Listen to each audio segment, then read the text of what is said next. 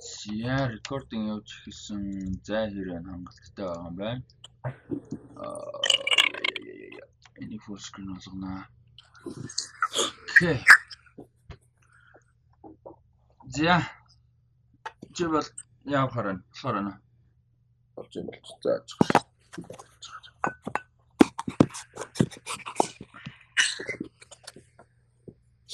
Яг уу. Окей. Let's go. За.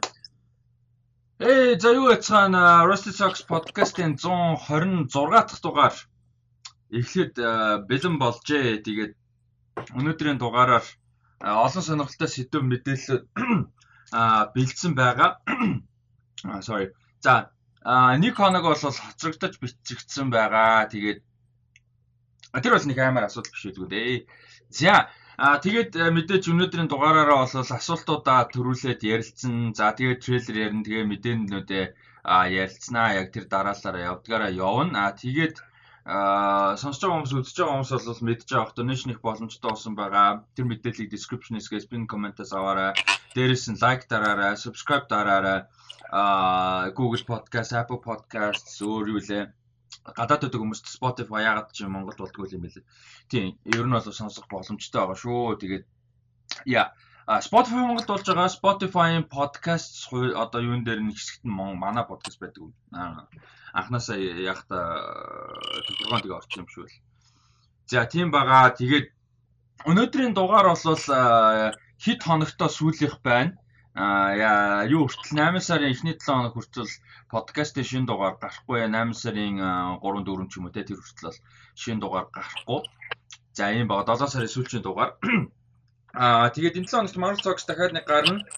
А бүтсэн өдөр Sunday Night Live явна. За тэгээд нэг 7 хоног бол breakтэй байгаа шүү. Тэгээд араас нь нэг нэг 7 хоног дуусчаад 8 сарын ихээс хэдүүлээ гоё Marvel Talks маань гоё шин тайцтай. За тэгээд өдрийн дараа мараа нь яваад ингээд гоё 8 сар тэглэнэ гэж найдаж байна.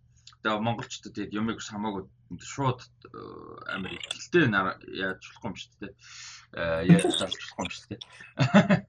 Өмнө нь тэгж зөндөө фейлдчихсэн учраас одоо тэхгүй бай да. За тэгээд асуултуудаараа эхлэе. Тэрнээс өмнө даткогоор юу вэ? Надаар нам тавина дөө. Аа сая баахан л кино үзлээ нэг дор. Аа MCU-гийн Phase 1-ийг дуусгалаа. За. Space Space Jam үзлээ. Тэр нөгөө New Legacy гэдэг LeBron. Өөр чин юг дуусгалаа нөгөө Fear Street гэдэг нөгөө Netflix-ийн 3 ангитай нэг кино гарсан шүү дээ 7 хоног болгоо. Аа тий тий тий. Тийм тэрийг үз дуусгасан. Nice. Хамгийн сүүлийнх нь Fear Street 1666. Тэгээ тэр нь үзээд дуусгасан. Ер нь дажгүй шүү. Хүмүүс тэрийг ер нь бол recommend хийн сонирхолтой байлаа. Аа өөр чин бас нэлээ юм үтсэн. Би бүр бас юу үтснээ бас мартчихлаа. Фэйс нэг дээр л юу нэг цаг зарцуулсан даа. За нэр гиснээс подкаст сонсож байгаа хүмүүст Marvel Talks сонирхдаг бол мэдээлэл өгч дээ тий. Энэ 7 хоногийн Marvel Talks маань нэлээд сонирхолтой дугаар болно гэж найдаж байна. Мэдээ мэдээлэлд мэдээж байгаа. Тэгээд Loki-гийн нөгөө Marvel Assembled гэдэг бас цуврал яваад байгаа шүү дээ. Нөгөө нэг шинэ цуврал кинонууд нь гараад араас нь гараад аа тэр тэрний одоо Loki цувралын тий одоо making of behind the scenes юм. Тэр нь бол гарцсан байгаа тий. Тэрийг үзээд тэрний талаар ярилцсан. Аа дээрэс нь аа гол сэдв нь Marvel Talks шинэ эпизодын гол сэдв бол MCU Phase 1 байгаа. Ерөнхийдөө Phase 1 аа тэгээ кинонуудын талаар нэг нэгээр нь бүр амар дэлгэрэнгүй ч хаашаа ин гэхдээ нэг эргэж харж байгаагаа одоо ярих юм ярина гэх юм уу те дахиж үзэх юм. Тиймэрхүү дугаар болно шүү. За. А хэдүүлээ тэгээд асуултууд руугаа орё шууд асуултаараа эхлэе. За, тэгээд бас Doctor Sleep үзсэн юм байна. А Doctor Strange. Doctor Sleep. Аа, окей, окей, хэр байна? Тэр өстэй гоё юм байлаа. Амар гоё юм байлаа. Nice. Би юу үзэж үзсэн л дээ. Аа, яг тэгтээ тэр чинь ер нь бол заавал нэг амар холбоотой биш юм. Тэр шаардлага байхгүй юм байна. Тэгтээ яг хуу үзмээр санагдсан. Ааха. Аа би юу үзлээ энэ чинь аа ойр дэрүүсээ юм нэг үзэхгүй ба. Гэхдээ сая өчигдөр уржигдэртэй амжаад хоёр кино үзсэн. Нэг нь яг шүн сууж байгаа бүр зорж байгаа The Quiet Place 2 үзсэн part 2. Оо нэрээ үзээгүй л. Тэр амар гоё байсан. Нэг хүмүүс нь мэдгүй яг юу хүлээсэн чи юу нь болохгүй байсан, юу нь таалаг мэдгүй байна. Надад бол амар таалагдсан. Яг шинэ орж ирж байгаа цөөхөн эдэн дүрн тэгээд яг тэр нэг товчхон флашбек юм нь тэгээд жижигхэн деталууд нь ер нь амар гоё байсан. Надад айгуу таалц. Яг уу ганц хоёр obvious юм байна. Гэтэ чи алдаа биш байхгүй. Юу гэхээр хоёр жоохон хувээсэн хүүхэд чинь 3 4 жилийн хугацаанд амар том болсон. Тинейжер болсон байлаа. Ингээд өмнөх цаг үеийн ч хүмүүс шууд үргэлжилж байгаа юм харж байгаа мөртлөө амар clearly томорцсон. Тэнгүүд жоохон инээдтэй гэхдээ тэрийг бол тийг ойлгож байна шүү дээ.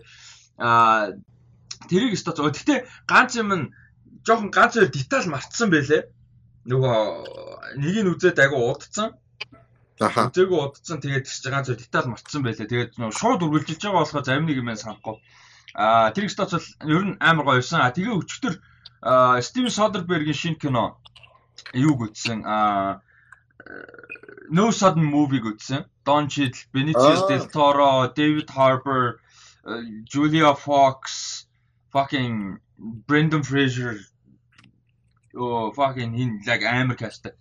Гэхдээ тэр confusing as fuck movie байсан. Бүр ингээд ямар ч шаардлагагүйгээр хитрхи ойлгомжгүй болгоцсон юм шиг ингээд ерөөсөө introduce хийгээгүй дөрүүдийг амар их ярина аль нь хийнийний бүүмэд яг аль нь ямар факшнд байгаа даа ямар юм бүүмэд яг яах гээд байгаа бүүмэд бүр ингээ яг албаар тийм байж магадгүй л дээ гол дөрүүд нь өөрсдөө бас ингээд хин өөрсдөө нь хөлсөсөн яасан хийснийг яах гээд байгаа.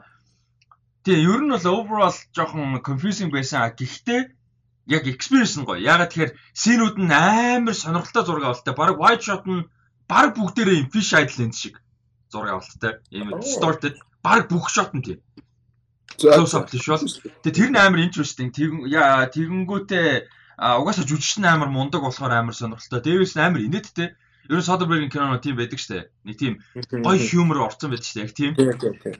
Тэгэл тэр нэг трейлер дээр байсан штэ. Нэг хэсэг ингээд Toro, Don Cheadle хоёрын дүр ингээд Э, нэг хүнийг одоо хулгайч хийх байгаа юм дээр юм чих байгаа юм ингээд нэг гэрт ороод цус масктай. Тэгээ орж ирэнгүүтээ дон чидл нөгөө хүнлөө нь орцсон. Тэгээ тэр ихнэрийг нь болохоор Беницио дель Торогийн дүр ингээд одоо харж байгаа байхгүй юу? Янз бүрийн видеог буу тулгацсан тий. Тэгснэ It's been a long day. Just give me a break гингүүтээ очсноо чам дээр энийг тавилаа шүү гэсэн нэг амар айцсан эмэгтэй дэр ингээд одиал тавьчихдаг нэс толгой дээр. Тэрээс вангар идэт нөгөөдх нь амар айцсан. Тэнгээс толгойд нь одиал тавингуудаа хажууд нь сууснаа ингээ маска аваа. Дээвргүй жижиг юмнууд нь амар фан. Тэгэд а юу амар гоёсэн. Дон чидл нэг тийм амар зөвүүн өө жоохон өөр хоолойтой зэ нэг юм ээ гэж ясаа хоолойтой. Тэнгүүтээ нэг тийм тэгээд нэг жоохон low level хүнд гар low level нэг тийм criminal гар байгаа байхгүй. Тэгээ тэр бас амар гоё байсан. Дон чидлэг тийм дүр тарах. Nice nice. Юу орсон бэлээ? Аа Gun Gunpowder Milkshake орсон бэлээ Netflix. Аа тийм байсан. Аа Монголдлих дээр гарч ирж гэнэ үгүй мэдэхгүй байна. Монгол дээр байхгүй төрийн талаар үлээ. Аа VPN-ээр авахлаар гарч ирж байлээ. Аа. Тэгээ Netflix дээр.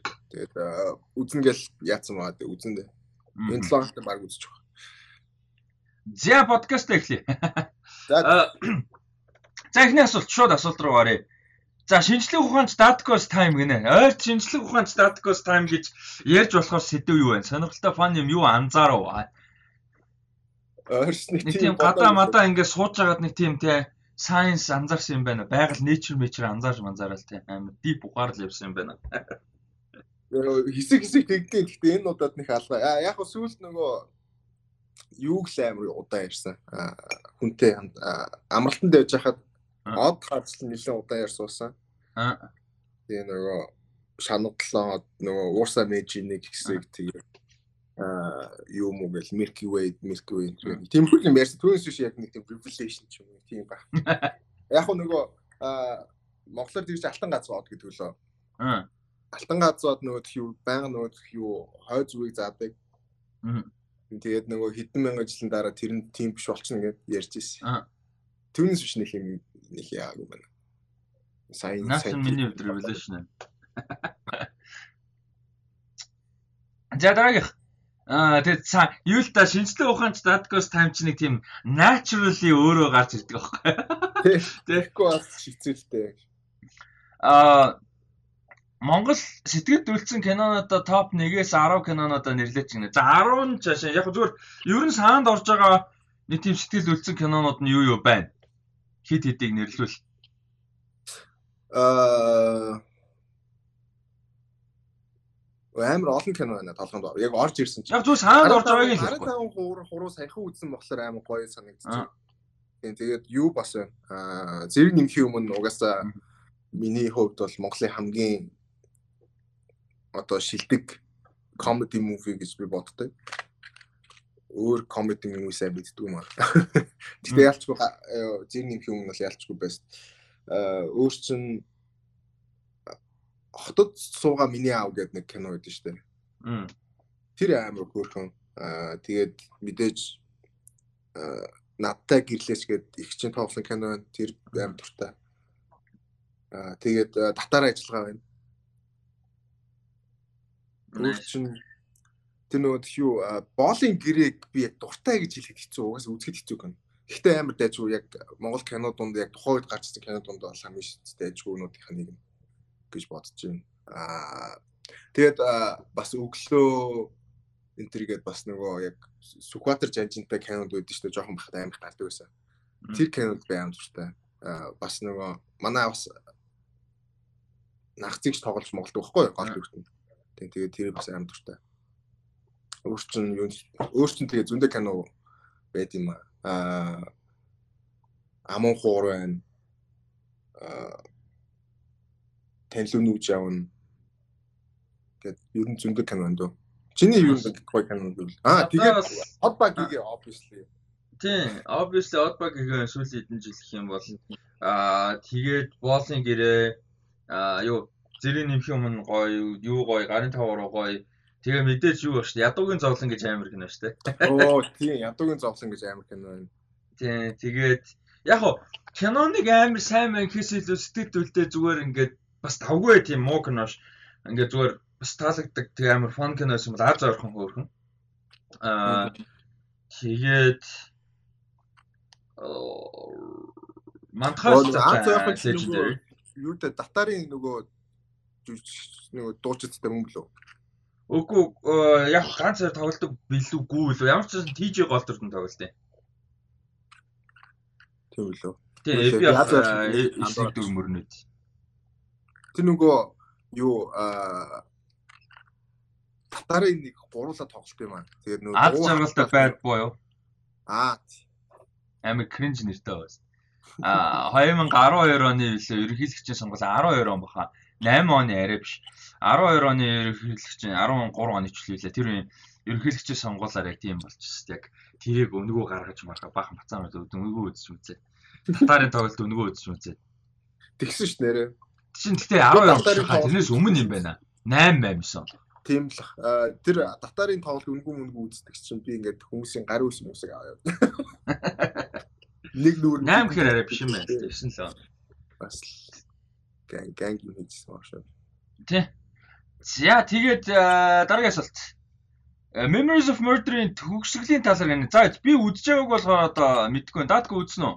Бонжогийн Аа үзээгүй. Би гэхдээ яг тэрнийг яг хоёул юуг үзэхэд надад үзмээр санагдаж эхэлсэн. Аа яг бонжуугаатай холбоотой кино зөндөл үзсэн л дээ.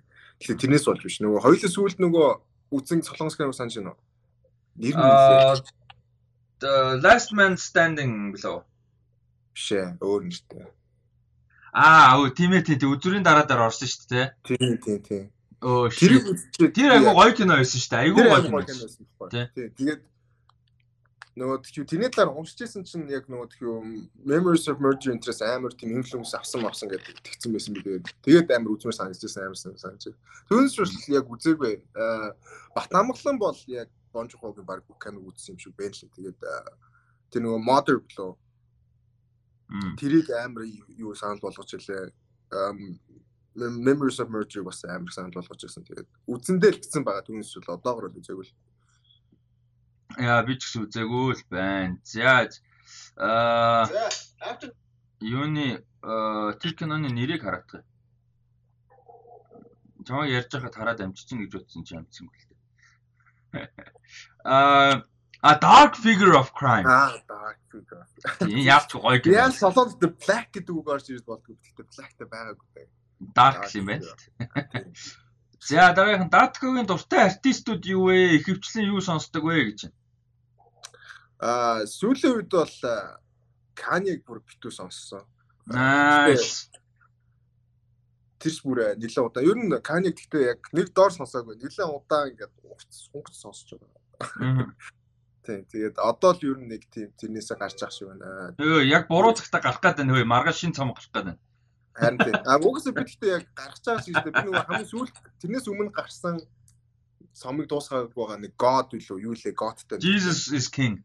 А Jesus is king. Тийм. Тэрийг үз сонсоог байгаа. Зүгээр God гэдэг цомог байдаг. Харин битгүй би нэр нь мартын God шиг юу ч хэлээ. Юусэн тийм тиймэрхүү юмтай холбоотой. Тэрийг сонсоог байгаа. Тэгэхээр тэрийг сонсно гэсэн. Тэгээд тэрнээс биш бол тэгээд юу нэг ихэнхдээ тэгээд амар их инди alternative юу юу их сонсдог дөө. Тэр доор нь MB нэг хитэн юу байгаа. Гэтэ Hozier биш л дээ. Бос нь бол арай сонсдог. Lumineer Center гэсэн юм байна. Тэгээд Lumineer Center их сонсдог. Тэгээд Julia and Angus and Julia Stone гэдэг ах トゥ хоёр байгаа. Ах トゥ хоёр юм уу их юм мэдгүй. Тэр хоёрыг байнга сонсдیں۔ Аа тэгээд мэдээж Radiohead амиг сонсож байгаа. Тэгээд гоё гэх юм бол тэгээд юу амиг сонсдог бас Kings of Leon амиг сонсдог. Оо, маш. Тэгээд өөр чинь юу нилээ их юу байж байгаа. Аа тэгээд Harry Styles-ыг бүр битүү сонсож байгаа. Йоо тэр Fine Line бүр амар гой цомог байгаа. Тий. Хоёр альбом нь хоёулаа амар гоё. Тэгээд Red Hot Chili Peppers аа өөр чинь аа тэгээд бас Taylor Swift амар сонсдог болсон. Яа Taylor Swift одоо Red шинэ хэлбэр гарлаа. Evermore лөө. Тий. Тэг тэрээс А? Асаа Тэрнээс биш нөгөө яг өмнөх нөгөө folklore энтрийг бүтэн сонсоод байгаа. Амар noisy юу шүү. Folklore яасан гинэ. Аса а folklore-ыг сонссон. Тэрнээс Evermore сонсоогүй. Аа Evermore гоё шүү. Харин бүтэн сонсоогүй гэх юм уу та. Аа тэгээд юу Gorillaz бас амар сонсож байгаа. Угаасаа би бүх альбом дээр болохоор тэгээд байнга явж байдаг юм даа. Тийм тэгээд өөр чинь би нэг хамтлаг мартаад байна. Би бүр байнга сонсдог. А, Tribe Called Quest. Гэтэ аа Midnight Marauders тэгээд нөгөөт нь болохоор Low End Theory гэдэг тэр хоёрыг тэр хоёр альбом тоо. Тэр хоёрыг байнга сонсдог юм даа. Low End Theory гэдэг классик шүү дээ. Nice. Би нөгөө нэг hard эвдрээд миний хамаг дууны цуглуулга байхгүй болоод тэгснээс хойш ингээд хөгжим сонсох нь амар баг болцсон. Тэгээ сонсохороо нөгөө нэг library-гүү болцсон. Тэгээд санаанд хүн чинь орохороо нэг цөөхөн хідэн санаанд нь орсон оо popular яг миний толгоон дотор popular заяа ертөнцид биш те. Толгоон дотор нь хамгийн дөрөв саанд нь орж байгаа юмнууд байдаг ш. Тэрийгээ сонсоод авахгүй. Яг ингээд library-тэй байхад үн чинь плейлистүүд гаргана те. Тинчэнс за окей ийм үдэд ийм сонсомоор байна. Энийг ингэмээр за энэ дутуу байна ийм юм нэмээ тэргээ. Тийм байдаг гэж байхгүй болцсон. Тэгээ ер нь миний hard эвдэрснээс хойш миний musical experience бүр ингээд бүр шалаар нэг болцсон. Яг юм сонсч л байгаа л да generally утсамцсан дээр ингээд сонсох юм сонсож байгаа гэхдээ experience нь яагаад ч өмнөшгөө биш бүр ингээд байх болцсон. Ер нь жоохон shit байгаа. Аа за э юу гэсэн чинь миний хардыг эхлээд 200 мянган уртчилгаа өгөөд өгж болно. Тэгээ өгөх юм бол ингээд яг засаж recover хийх хэдэн үе яаж recover хийх боломжтой үгүйг нь ингээд үзнэ. Тэгээ ер нь бол болно. Нэг ер нь хоёр опшн байгаа юм лээ. Нэг бол боломжгүй, нэг бол болохоор бол ингээ болно гэдэг ч аахгүй. Тийм хоёрын оронд дундуур хэдэн өгсөн баг. Тэгэнгүүтээ болохоор болох юм бол нь сая 600 мянга болно гэсэн. Та сая 400 нэмж өгнө гэсэн. Яа тэгээ уул нь бол мөнгөтэй хүнд бол тэнд байгаа информашн хэрвээ болдог хийхтгэхэр болох юм бол миний хаалтанд байгаа юм те тэр зөвхөн дууга бодоход те дээрээс нь personal юм зөндөө юм байгаа өөр юм зөндөө те. Тэгэнгүүт тэрийг бодох сая 600 мянга байтугай те. Ингээ 15 жилийн бараг амьдралдаа зурлуулсан юмнууд байгаа хгүй сая 600 юу ч шохгүй тэрний ажил тэгсэн мэтлээ мөнгө нь авахгүй. Shit.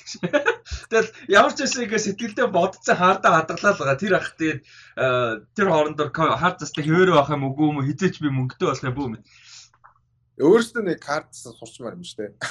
А тий тэр тэр тийм дураараа скил биш уу? Харин тийм л. Гэхдээ ер нь сурч юм бол гэхдээ ер нь аалах юм шүү. Харин тий.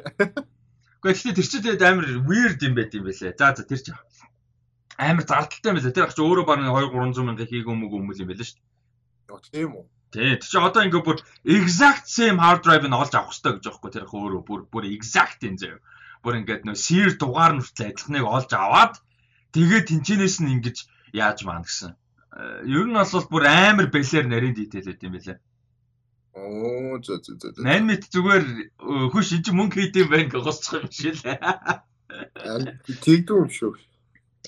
За дараагийнх нь аа дараагийн асуулт Аа, олимп дээр эртний хөлмөг тайлбарлах юм уу? Өөр спорт тайлбарлах уу. За, өөр спортыг бол тайлбарлахгүй гоо одоо мэддэг ч. Яг хүслэр байдаг бол Гэхдээ үзэн тайлбарлах гэхээс илүү үзэн гэх нь тенс л байна л да. Үзхийг хүсэн. Тайлбарлах гэхээр би одоо дөрөв мөрөм яг дөрмөж мэднэ л дээ. Зүгээр хиллэг мэлэг юмнуудын сайн мэдгүй болохоор мэдгүй байна. Үнэхээр мэдгүй. Яг зүгээр үзэх хүсэлтэй. Түүнээс тайлбарлана гэвэл одоо юу л байна дөө хөлбөмбөг л байна. Тэгээд бол Монгол тайлбарлал тайлбарлаж ийсэн юм байхгүй. Ер нь бол нэг монголоор нэг тайлбарлаад байсан санахгүй.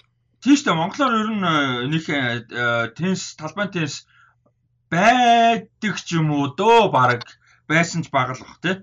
Харин тийм л. Би өнөөдөр юу юм байна? Аа, подкаст ороод амжчихна гэж бодож байна. Гэхдээ ихэнх хүмүүс яг энэ орсноос хойш сонсгоолгүй.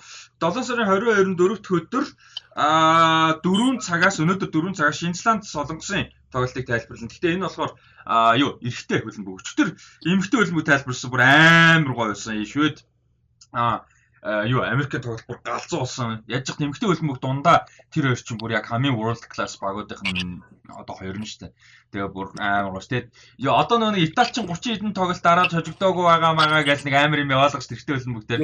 Тэрнтэй адилхан эмэгтэй хөлбөмбөг дээр Америк сая Олимпийн яг одоо өмнөх хүртэл Олимп хүртэл 44 тоглолт хожигдоогүй байсан аахгүй юу? Оо. Тэгээд тэгсэн чинь Швед сая Олимпийн нээлтийн тоглолтоор 3-0-аар авчихсан. Америкийг. Амар тоглолт ус тий. За дараагийн юу нь яаж явдیں۔ Формат нь яаж явдیں۔ Group stage энэ төр гэж байна. Эмэгтэй ер нь эмэгтэйчүүдийн group нь болохоор 3 groupтай 12 багтай нийт 4 4 багтай. Эрэгтэй нь болохоор 4 4 багаас 4 group 16 баг орж байгаа. Эвтер болохоор амар ойлгомжтой дөрвөн группээс 2-2-оор зоноос гараад шүгээн 8 4 финал 3 гүрэл медаль явчихна. А эмэгтэй нь болохоор 3 группээс 2-2-оор гараад 3 группийн 3-т орсон 3 багийн хамгийн их оноотой 2 нь гараад шүгэн 8 болно. Аа за за. Тэгээд гэхдээ хөл бөмбөг дээр нэх яадгүй тий. Олимпт бол нэг юу ач холбогдол өгөөдөө тий. Ер нь тий яг нь ер нь хөлбөмбөг нөө их ихтэй ихтэй хөлбөмбөг дээр бол залуучуудтай илүү ач холбогдол ер нь залуучууд тоглолт шүү дээ. Андер 23 тоглох хэрэгтэй байдаг. 23-аас дээш насны 3 тоглогч яг ихтэй байдаг. Аа эмэгтэй хөлбөмбөг тийм насны хязгаар байхгүй. Эмэгтэй хөлбөмбөгийн хувьд бол олимп арай жоох ач холбогдолтой. Ер нь бол Арай жоох ач холбогдол өндөр. А эрэгтэйдэр бол жоохон баг баг гэхэд нэг буруудахгүй. Гэтэл гоё шүү дээ тий. Эх орно төлөөлөө далтан медаль аавна гэдэг цом өргөхгүй тий. Э мессеж нь юу лөө? Олимпиад 2008 оны Бээжинг Олимпиад авах. Аа За дараагийнх нь А мөнхөртний асуулт сайн уу өдөржингөө хүлээлээ шүү дээ подкаст. Аа бас тэг өчигдрийн memory-ийнхаа талаар гоё яриад яриад яриач гинэ уут өгдөг охин. Аа энэ нэг тийм би нөгөө мартсан байж тээ нөгөө нэг on this day гэдэг нэг гарч ирдэ штэ. Тэрүүгээр харсан. Тэгсэн чинь 18 онд санаад байна. 18 бил 9 онд нэг пост оруулсан лээ л дээ. Hopin UB restored restored гэсэн. Тэгэхдээ яг тэр яасан бэ гэхээр нөгөө би яг specific санахгүй нэ яг яагаад тэр өдөр юу яаж явсан. Гэхдээ ямар ч байсан ингээд нөгөө нэг том цүнх үүрцэн цүндээ амар их юм хийдсэн те нэг гартаа нэг торт морт ирсэн яагаад ч торт ирсэн юм шиг хөнөөс тэгээд нэг гартаа ингээд уут дүүрэн юм барьсан байхгүй хоол хүнс тэгээ яг яг нөгөө нэг юуны циркийн хойдлын фонтаны одоо зүүн талд нь арк хоёр талын арктай зүүн талд нэг арк байдаг шүү дээ. Нөгөө нэг дели дарбар марбартай. Яг тэрний тэнд би явж ирсэн амар клирлээ санаж байгаа. Яг тэрүүгээ гарч ирээ замын хажуугаар явж ирсэн чинь уут задраад Тэгээ би ингээд тоорч өрцөн амар хүнд цүнх үрцэн. Тэгээд нөө дэлгүү нөгөө ингээ уут дүүр амар том уут дүүр юм задарчингууд тэр гудамжаар нэг юм болно шүү дээ. Тэгээ би бүр ингээд хөлөрцөн халууцсан яага мэддгүү амар сонин бантаа дээрэс нь ингээд эвгүй байдлаар амар их юм задарсан уут надаа байхгүй. Тэгээд би бодож исэн юм нь фак зүгээр яаж яаж аргалж байгаа 50 дугаар төлөөрөөс уутал авъя гэж бодож байгаа байхгүй яаж гэдгийг мэдэхгүй. Тэгэл ямар ч байсан гэл ингээд годомжинд ингээд харцсан юмнуудаа цуглуулаад Ингээл нэг дор оолж явах яхаа бидэхгүй амар сонир байдлаар хүмүүс хажуугаар ингээл яваал байхгүй өмнөхийн дээгүүр мээгүүр гიშгээл ингээл яг дээр нь биш дээгүүр нь ингээл алгаал яваад. Тэгээ ингээл амар сонин ингээл хүн хэмтэл харж чадахгүй санаа зов ингэжсэн чинь нэг машин эргэж эргээ явж исэн машин зам дээр ингээд зогсноо нэг жоохоо охин цохоор ахаа уу дах уу Амар хөөрхөө. Тэгээ би хүү баярлаа гэж хэлээд баг амжааг байхад ингээ цаашаа яваад гцээ байхгүй. Тэгээ зүгээр амар хайр хүрээд амар гой санагдаад зүгээр ингээ явж исэн машин зогсонгуудаа тэр нэг жоох охин гарчсан цонхороо ингээ дахиад уу тавхуу амар хөөрхөө. Yeah, that was nice. Yeah. Little things. А нэг амар хөөрх юм. Тэрнтэй дайланзаа би амар олон жилийн өмнө одоо баг 10 10 жилийн өмнө хаа мэдэхгүй байна. Бараг 10 10 жилийн өмнөх нэг өвөл дүн өвөл зэ. Бүр нэг хогийн дүн өвөл байдэн штэ. Нэг сарын дунд думтай нэг тийм балиар. Яг нэг тийм өвөл хуучин гэрлүүгээ харих га зам гарч яг амар төв зам дээр байдаг. Тэг ингээд нөгөө нэг амар том гарц төв зам дээр байдаг. Тэгээд яг гарахгаа ингээд дүүн өвөл яжсан чи чинь 6 талаас тасархуу болчтой шүү дээ. Яг тийм. Цагаар бол амар өрөө болоо гэхдээ тасархуу.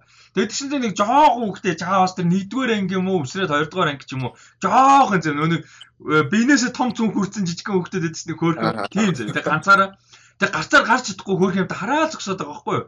Тэгээд том өмслөр хажуугаар ингээл машины урдуур яваал гараал тэгээд хөөрхөн юмтай ингээ гарч чадахгүй Гэл хөрөд хараалаа байхгүй нэг өгч их гэж болол хөргөө. Тэгээ би очиж чи гар зам авчихсан гэсэн чи тийм. За хоёул хамт гарыг. Тэгээ мань үнийг хөтлөөд зам гарахгүй. Тэгээ ингээд зам гаргачаал за цаашаа боломжтой орой гэж би ингээд яг байрлага орохгүй явчихсан. Жаха байж гэл тэгж. Яасан ингээд гисэн чинь шууд ингээд зүнхээ гаргаж ирсэн ээ. Газар чинь өвөлнө цасмаас шавархаа махад бас шууд өвдөл хөчинэ хувц чинь муугаа л ээжтэй загнуулсан даж гэсэн чи за яах вэ загнуулсан л гэж байж гэж. Тэг магар гөр гэж. Тэгснэ ингээд зөвхөн ухаалаа байхгүй. Өчи яах гэж байгаа гэсэн. Та байж. Ухаж ухаж ухажсэн нэг модон чихэр гарцнаа баярлаа гэж. Амар гөр бүр яг амар хайрс. Модон чихэр гарч ирсэн. Тэгснэ баярлаа гэх гүү гүү гүүгээ авц. Амар хөөрхөс амар хайрс. Тийм хөө хөөрхөн жижиг моментууд бас гоё шүү. За а Pop Culture Club group дээр сүүлчийн асуулт. Rusty Witcher Season 2 гарахаас өмнө Witcher 3 тоглоомын тоглоод season 1 үзэхгүй юм уу гэж.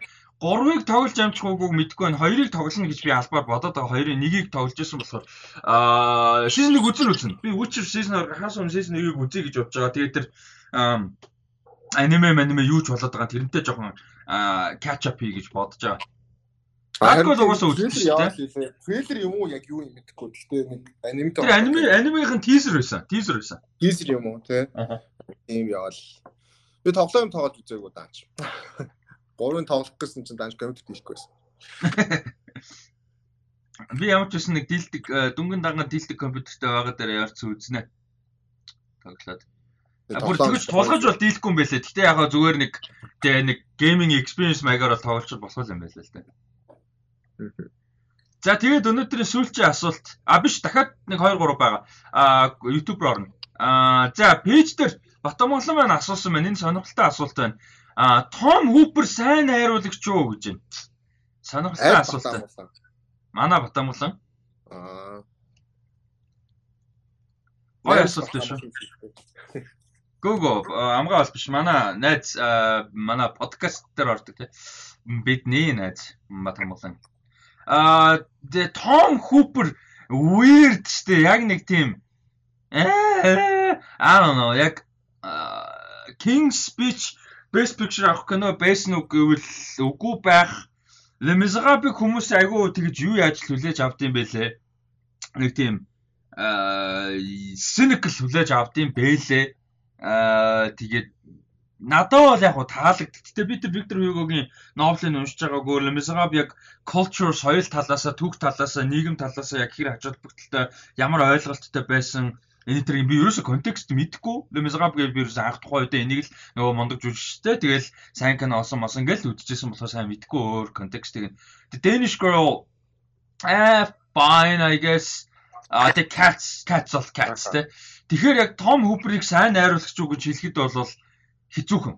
Миний хувьд бол. Юун дээр His Dark Materials-тэй 2 эпизод найруулсан юм байна Тэгээ би ярьж His Dark Materials зүгээр би бол зүгээр дуртай туртаа л үзэж байгаа болохоос шүн санал болгохгүй ер нь хэцүүх шүү гэж ярьжсэн дээ. Тэгээ тэгэхээр ер нь бол мэдгүй Том Хупер сайн талдаа ярихад бол хэцүү л баг. Би Том Хупер киног баг үзчихсэн юм уу? Аа юу лээ Danish Girl лөө. Danish Girl тийм. Danish Girl үзсэн үү? Үзчихаг. Мизага Юу үзсэн үү? нэгжсэн юм байна. А Лембисга бүл үзсэн. Тэр нөгөө юутай мюзикл юм үстэй. Тий. Тэрийг бол үзсэн. Бусдыг нь бол баг үзээ. Би тэр нөгөө King's Speech энэ үзэж байгаа шүү дээ. Үдчихсэн. Гэтэ дундуур байнга унц шүү дээ. Дуусах. Ялч юу King's Speech-тэй өөр талтай кино л да. Тэгээ дундуур нь л дуусгаж байгаагүй ялцчихгүй. Тэгээд Лембисга бол надад бол таалагддаг. Тэжгүй сан гэдэг дээ. Мизага гоё л да. Гэхдээ яг тэрэн дээрс тулгуурлаа сайн муу гэж хэлэх юм аа. Бусад яг уран бүтээл мэдэхгүй болохоор. Гэтэ нэлийн сул байгаа шүү дээ. Тэгэхдээ дайншгүй бол ч амар сайн яваа. Гүйлүү. Уу яг Данишгор сайн л явсан л та King Speech Best Picture авсан. Гэхдээ зүгээр ингээд яг харахаар жоохон сул санагдахгүй байна уу? Яг яг нэг харахаар. Надад бол жоохон нь сул гэхдээ дайжгуудаа орох юм биш үү? Яг бас бодох юм гэхгүй юу? Яг бүр амар траш найруулагч биш л дээ. Гэтэ зүгээр нэг тийм ээ окей л ах та миний бодлоор л. За Rusty Media YouTube-ийн community а хэсэг дээр орсон постны доор комментод байсан. За тэрийг харцгаая. За Sound of Metal киноны тухай сэтгэлээ болцаач ээ гэж тухайд нь ярьсан баг шүү. Гэтэ яг нэг ревю хийн гэхээсээ илүү нэг Оскар Москрын үед подкастаар үзсэн мүдсэн гэд нэлээд ярьсан шүү те. Тийм тэгээд Sound of Metal дээр юу бит хоёр ревю хийсэн санагдах юм. Аа дийлэн О тий тий тий Дилэн та ревю хийсэн шүү дээ. Минари тэр хоёр дээр те. Нари харин тийм. Гэтэ тэр яг нөгөө ревю гэхдээ ер нь амар хүмүүс баг үздэг юм байлээ. Аа яг тухайн үед хүмүүс ер нь баг үзсэн. Тэгээд хамгийн гол Гэхдээ popular киноны ревю биш болсон. Тань тийм. Гэтэ бас дээрс нь хүмүүс үзээгүйсэн болохоор дараа нь үзээгээ хатуулж байсан байж магадгүй. Гэтэ ер нь Sound of Metal бол хідүүлээд гэтэ ер нь бол нилээн ярьсан баха. Ярьсан ярьсан ерөнхийдөө бол нэлээд ярьсан. Тэгээ Sound of Metal бол хайр хайрлаад бүр ингээд хайлж хайлж уурсаад бүр гашин хийгээд ер нь бол нилээн тэгсэн санагдчих. За дараагийнх нь аа зүгээр сонсох дуртай шүү гинэ. Nice. Thanks. За сайн байна уу? Германы Dark зурлалын талаар яриач үзсэн үү гинэ? Dark ч үзлөө. Dark нэгдүгээр ангил үзсэн түүнээс биш цаашаа яваагүй. За. Тэр нөгөө тхиүү уран бүтээлчдийн дараагийн кино гарахаас өмнө зурлах гээд байгаа юм шиг байлаа шүү дээ. Тийм яг ойлон тийзер шиг юм ярьсан шүү дээ. 1900 хэдлээ. Тийм. Тийм. 1800 ч something. 1800 гэж. Тэгээд тэрнээс өмнө үзээ дуусгачмаар байна. Тэгээд аа, цэнгэл үзсэн. Цэнгэл бол тэрийг бол байнга яриа штэ. Үзээч ярий гэж л гэдэг. Тэгээд одоо баг марч байгаа бах та. Би одоо үзсэн. А үзнэ ямар ч үзүүд ярих л бах тий. MCU-гийн Хайдрагийн эсрэг улаан арга Яста Редско. Яа юмнуудыг орчуулчаар кириллчээр авсан эвгүй харагд юм. Хайдрагийн Редско яаж яваад сүнсний чулууны хамгаалагч болцсон юм. Яг нь мэдгүй зүгээр э, Space Stone-оор э, ингээд телепортлогдсон. Тэгэл ерөнхийдөө ID нь бол Universe Man хүнийг шийтгэж байгаа. Тэгээд тэнцэнэ ингээд хүссэн одоо тэр зориод байсан те Infinity Stone авч чадахгүй өөрийн болгож чадахгүй гэхдээ байнгын хажууд нь ингээд хамгаалах те тийм л болж байгаа. Ерөнхийд нь өөрийг нь kind of шийтгэл тиймэрхүү л маяг. Тэрнээс яг яаж мааж деталь нь сайн мэдэхгүй. Cap очоо асуусан бах те. Soul Stone-ыг буцаж тавих та. How the fuck did you get it?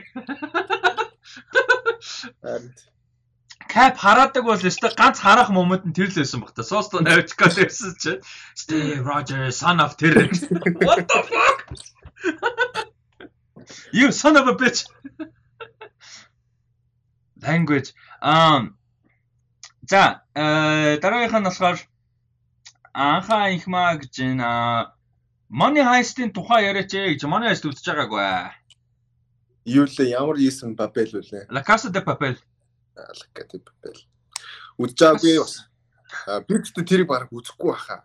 Би бол үзэн гэж бодож байгаа. Би бол ихтэлтэй байгаа. Зүгээр спам юм дуртай, дээрсэн чанартай гэсэн зүгээр яг хизээ гэдгийг л мэдгүй. Тэгээс би бол үзэн гэж. Чи бол үзэхгүй байх гэж бодож байна.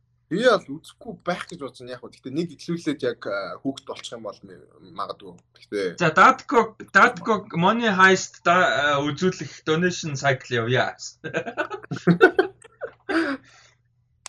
За, а дараагийнх нь за сүүлчийн өнөөдрийн яг сүүлчийн асуулт. А нэг далийн юм асууч гинэ. А та эмх Олимпийн эмхтэй футбол тайлбарлаад байгаа юм уу? Yeah, yeah. I, I that was me. That was me. Нэг тоглолт бүгдээр юм шүү. Бразил биш ээ, Швед, Америк би тайлбарсан. Аа, за. Ийхүү асуулт маань өндөрлж байна. За тэгээд асуулт маань өндөрсөн учраас мэдээлэл хэсэг рүүгээ орё. За. Аа, эхний трейлер 8 сарын 6-нд Netflix дээр орох The Swarm гэдэг нэртэй кино, Францаар La Nuée гэдэг нэртэй а ийм кино нь ер нь бол 2020 оны а Кани кино наадам дээр бол ер нь бол сонгогдсон акт Кан мэдээж болоогүй. А тэгээд а 20 оны 8 сард Францад нэг фестивал дээр нээлттэй хийсэн юм байна. За тэгээд Испанд нэг кино фестивал дээр За би одоо уншихаар буруу уншиж байхдаа одоо Sidges гэж унших юм бол одоо кино наадам дээр бол 10 сард нээлттэй хийсэн юм байна. А тэгээ 8 сарын 6-нд одоо Netflix дээр орж байгаа юм. Франц а fantasy drama уран бүтээл байна. Ер нь бол за энэ киноны трейлер чамд ямар санагдав? Концепт ямар ойлголт өгөв? А ер нь ямар санагдав?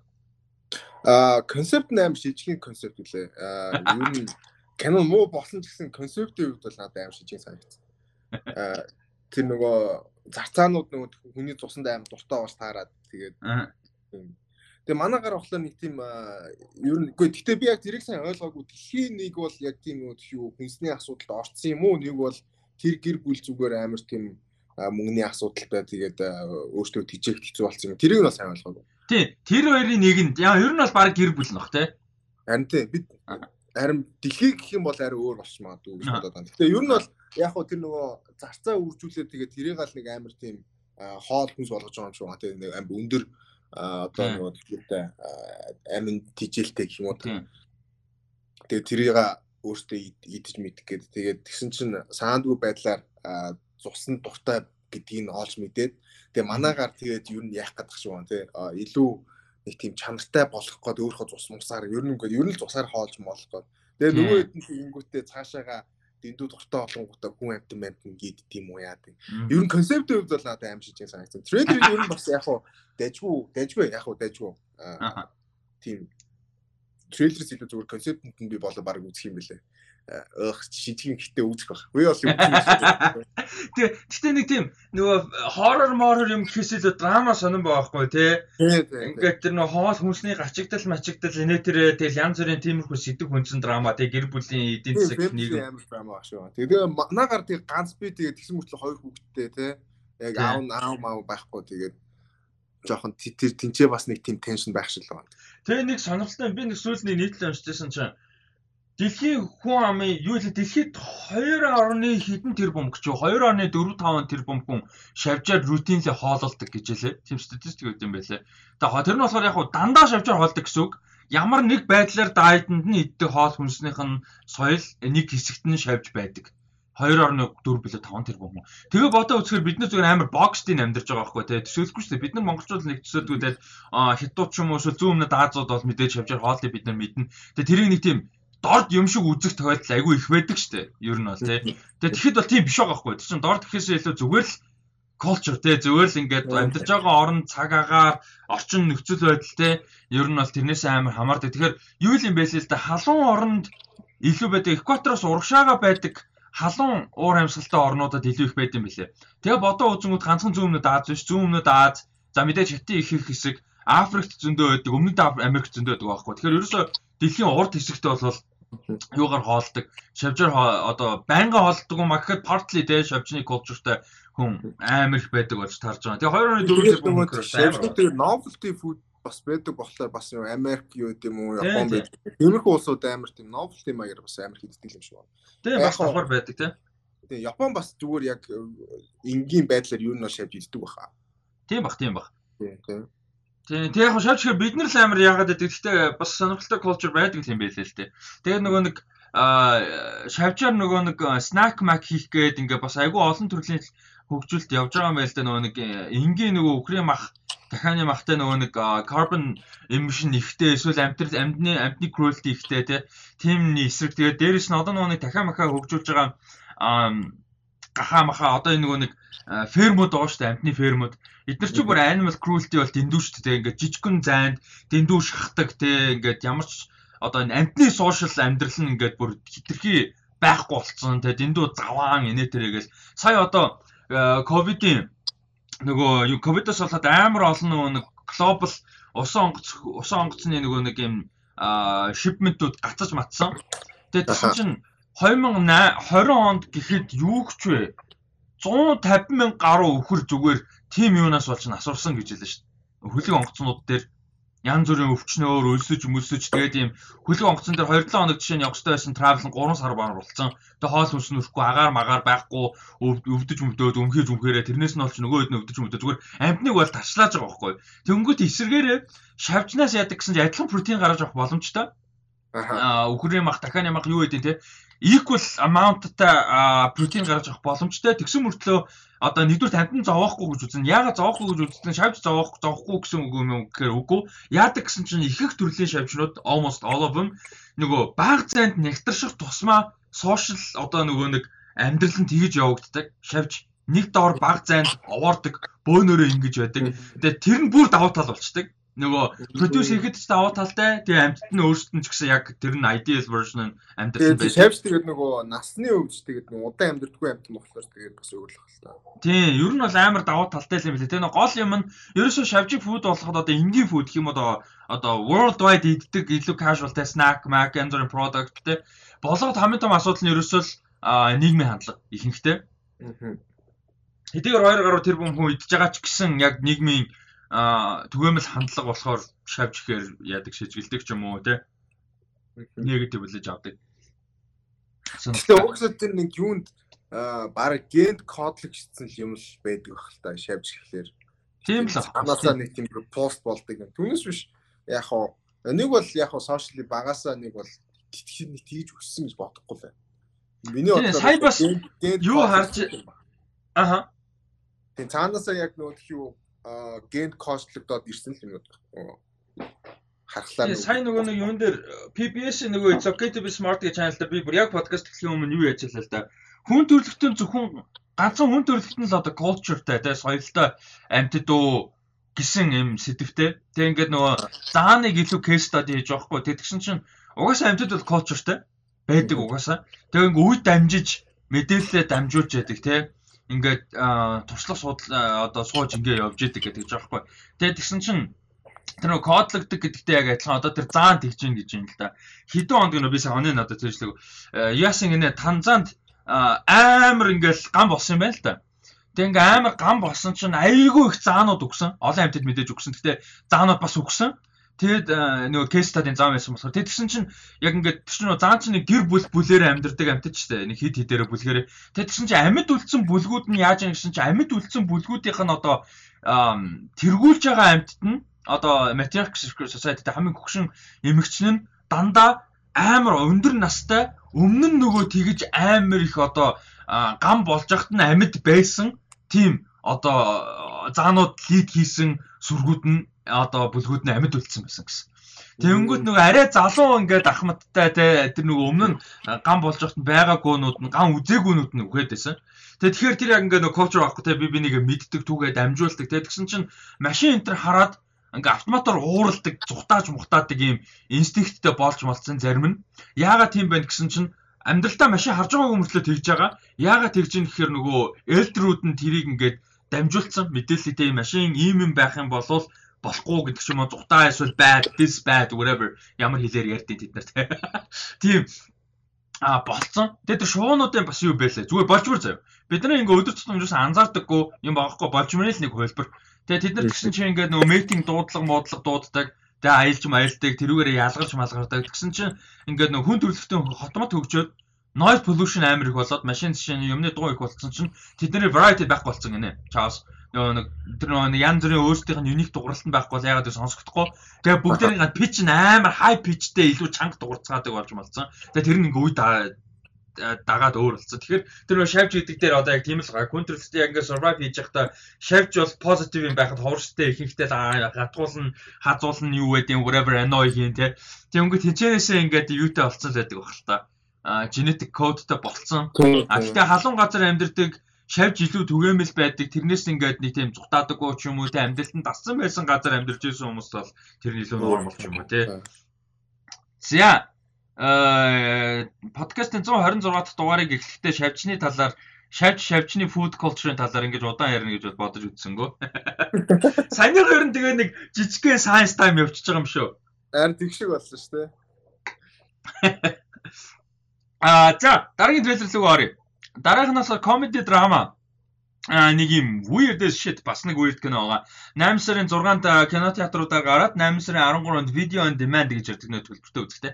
А тэрүүгээр орох Naked Singularity гэдэг нэртэй а кино би нэг үнэхээр юу гэж утгачлахын орчуулгын үнэхээр мэдэхгүй. А тэгээд Энэ киноны гол дүр Джон Боега туслах дүрүүдэд нь Olivia Cook, Bill Skarsgård, Ed Skrein, Tim Blake Nelson гэсэн бас дандаа мундаг жүжигчтэй ер нь бол. За мундаг биш юм ахад одоо Ed Skrein-ийн хувьд алдартай тий. Ийм аа ийм аа жүжигчтэй тавьсан кино. Эний трейлер ямар санагдав? Энэ киноны концепт ямар санагдав? Ер нь ямар байна? Ер нь концептыг нь бол нэг ойлгоогүй. А яг концепт нь ойлгосон. Гэхдээ трейлер дээр бол яг яг плото бол нэг өгсөн юм байгаагүй. Тий, тий. Аа тэгээд трейлерийн хувьд бол гоё харагдчихлаа. Шот яг тэр хийцэн нэг тийм зөвүүн аа тэр талаас бол гоё харагдчихлаа. Тэгээд концептийн хувьд болохоор манай гар бохлоор нилээ юу юм шүү тий. Аа lawyer одоо өнгөөлөгч. Тэгээд энэ жоохон бүтлгүү бүтлгүү тий. Ер нь аль нь бүтдгүү тэгээд дуулан сэтгэлээр ингээд туслах гад байдаг. Тэгээд бүтдгүү Тэгээд э, явсаар байгаа нэг тийм Dragon-тэй холбоотой юм хийх гээд багш байгаа. Тэгж яг хөө тэр нь бол ойлгомжтой. Гэхдээ тэр нөгөө системийг нь системийг нь одоо системийн эсрэг юм хийх гээд байгаа шүү дээ. Гэхдээ яг нөгөө юу систем дотор тоолох юм гэх юм уу да. Монголоор. Би яг тэрийг нь яаж хийх гэж байгаа гэдгийг ойлгоогүй. Тэгээ мань хүн бол амар хуйлаа дагдаг хүн байгаа байхгүй ингээд буруу юм хийхийг хүсэхгүй байгаа. Тэгээ хууль зөрчсөн юм хийхийг хүсэхгүй байгаа. Гэхдээ систем алдаатай, систем асуудалтай гэдэг нь төлөв зөвшөөрöd байгаа. Тэгэл нэг хар тамхи мамих янз бүрийн болохгүй бүтэхгүй юм нөхцөл байдлаа орооцолдох гэдэг шиг байна. Тэгээ сүүлдээ бүр боо муутай сэлэн мэлэн барьж аваад манай хуучудлаа сүүлдээ. Тийм юу пост амар тийм сэлэн мэлэнтэй амар сүртэй юм. Тэгээд наад зомби йог бас боега боега боега зомби боега Боёг яг юун дээр календар хараагүй гэхдээ гоё байлаа. Тэр юун дээр амар мундаг байсан гэсэн чинь нөгөө нэг Стив Маккуины юу? Оо shit нөгөө 5 кинотой чи юу лээ? 5 кинотой. Тий, тий, тий, сая 20 онд гарсан шүү дээ бүр бодоо болгодог. Тэр чинь юу лээ? Нэр нь нөгөө антологи юм биш үү? Яг одоо нэрийг мартчихлаа. Axe Small Axe, Small Axe. Small Axe тэгээд. Тэгээ тэрэн дээр айгу мундаг байсан юм шиг байл шүү. Тэр байх вэ? Тийм шиг байлаа үзнэ. Аа тэгээд Джон Боягаас гадна надад амар гой санаж юм. Olivia Cook-ийн character гинэ. Olivia Cook-ийн career надад амар зөвүүн сан. Ер нь амар балер зөвүүн жүжигч Olivia Cook. Ингээ бид нар яхаа зааны Taylor Joy юм уу те юу гэдэг айгу олон хүн ярьдаг. Оливия Кукийг ярих хэрэгтэй. Ер нь Оливия Кук бол хангалттай яригдахгүй байгаа. Бүр амар сайн жүжигчин. Тэгээд амар weird байж чаддаг. Ямар ч кинонд хуурч чаддаг. Хойлоо түрүү ярьсан Sound of Metal дээр ямар амар мундаг байдаг вүлээ тий.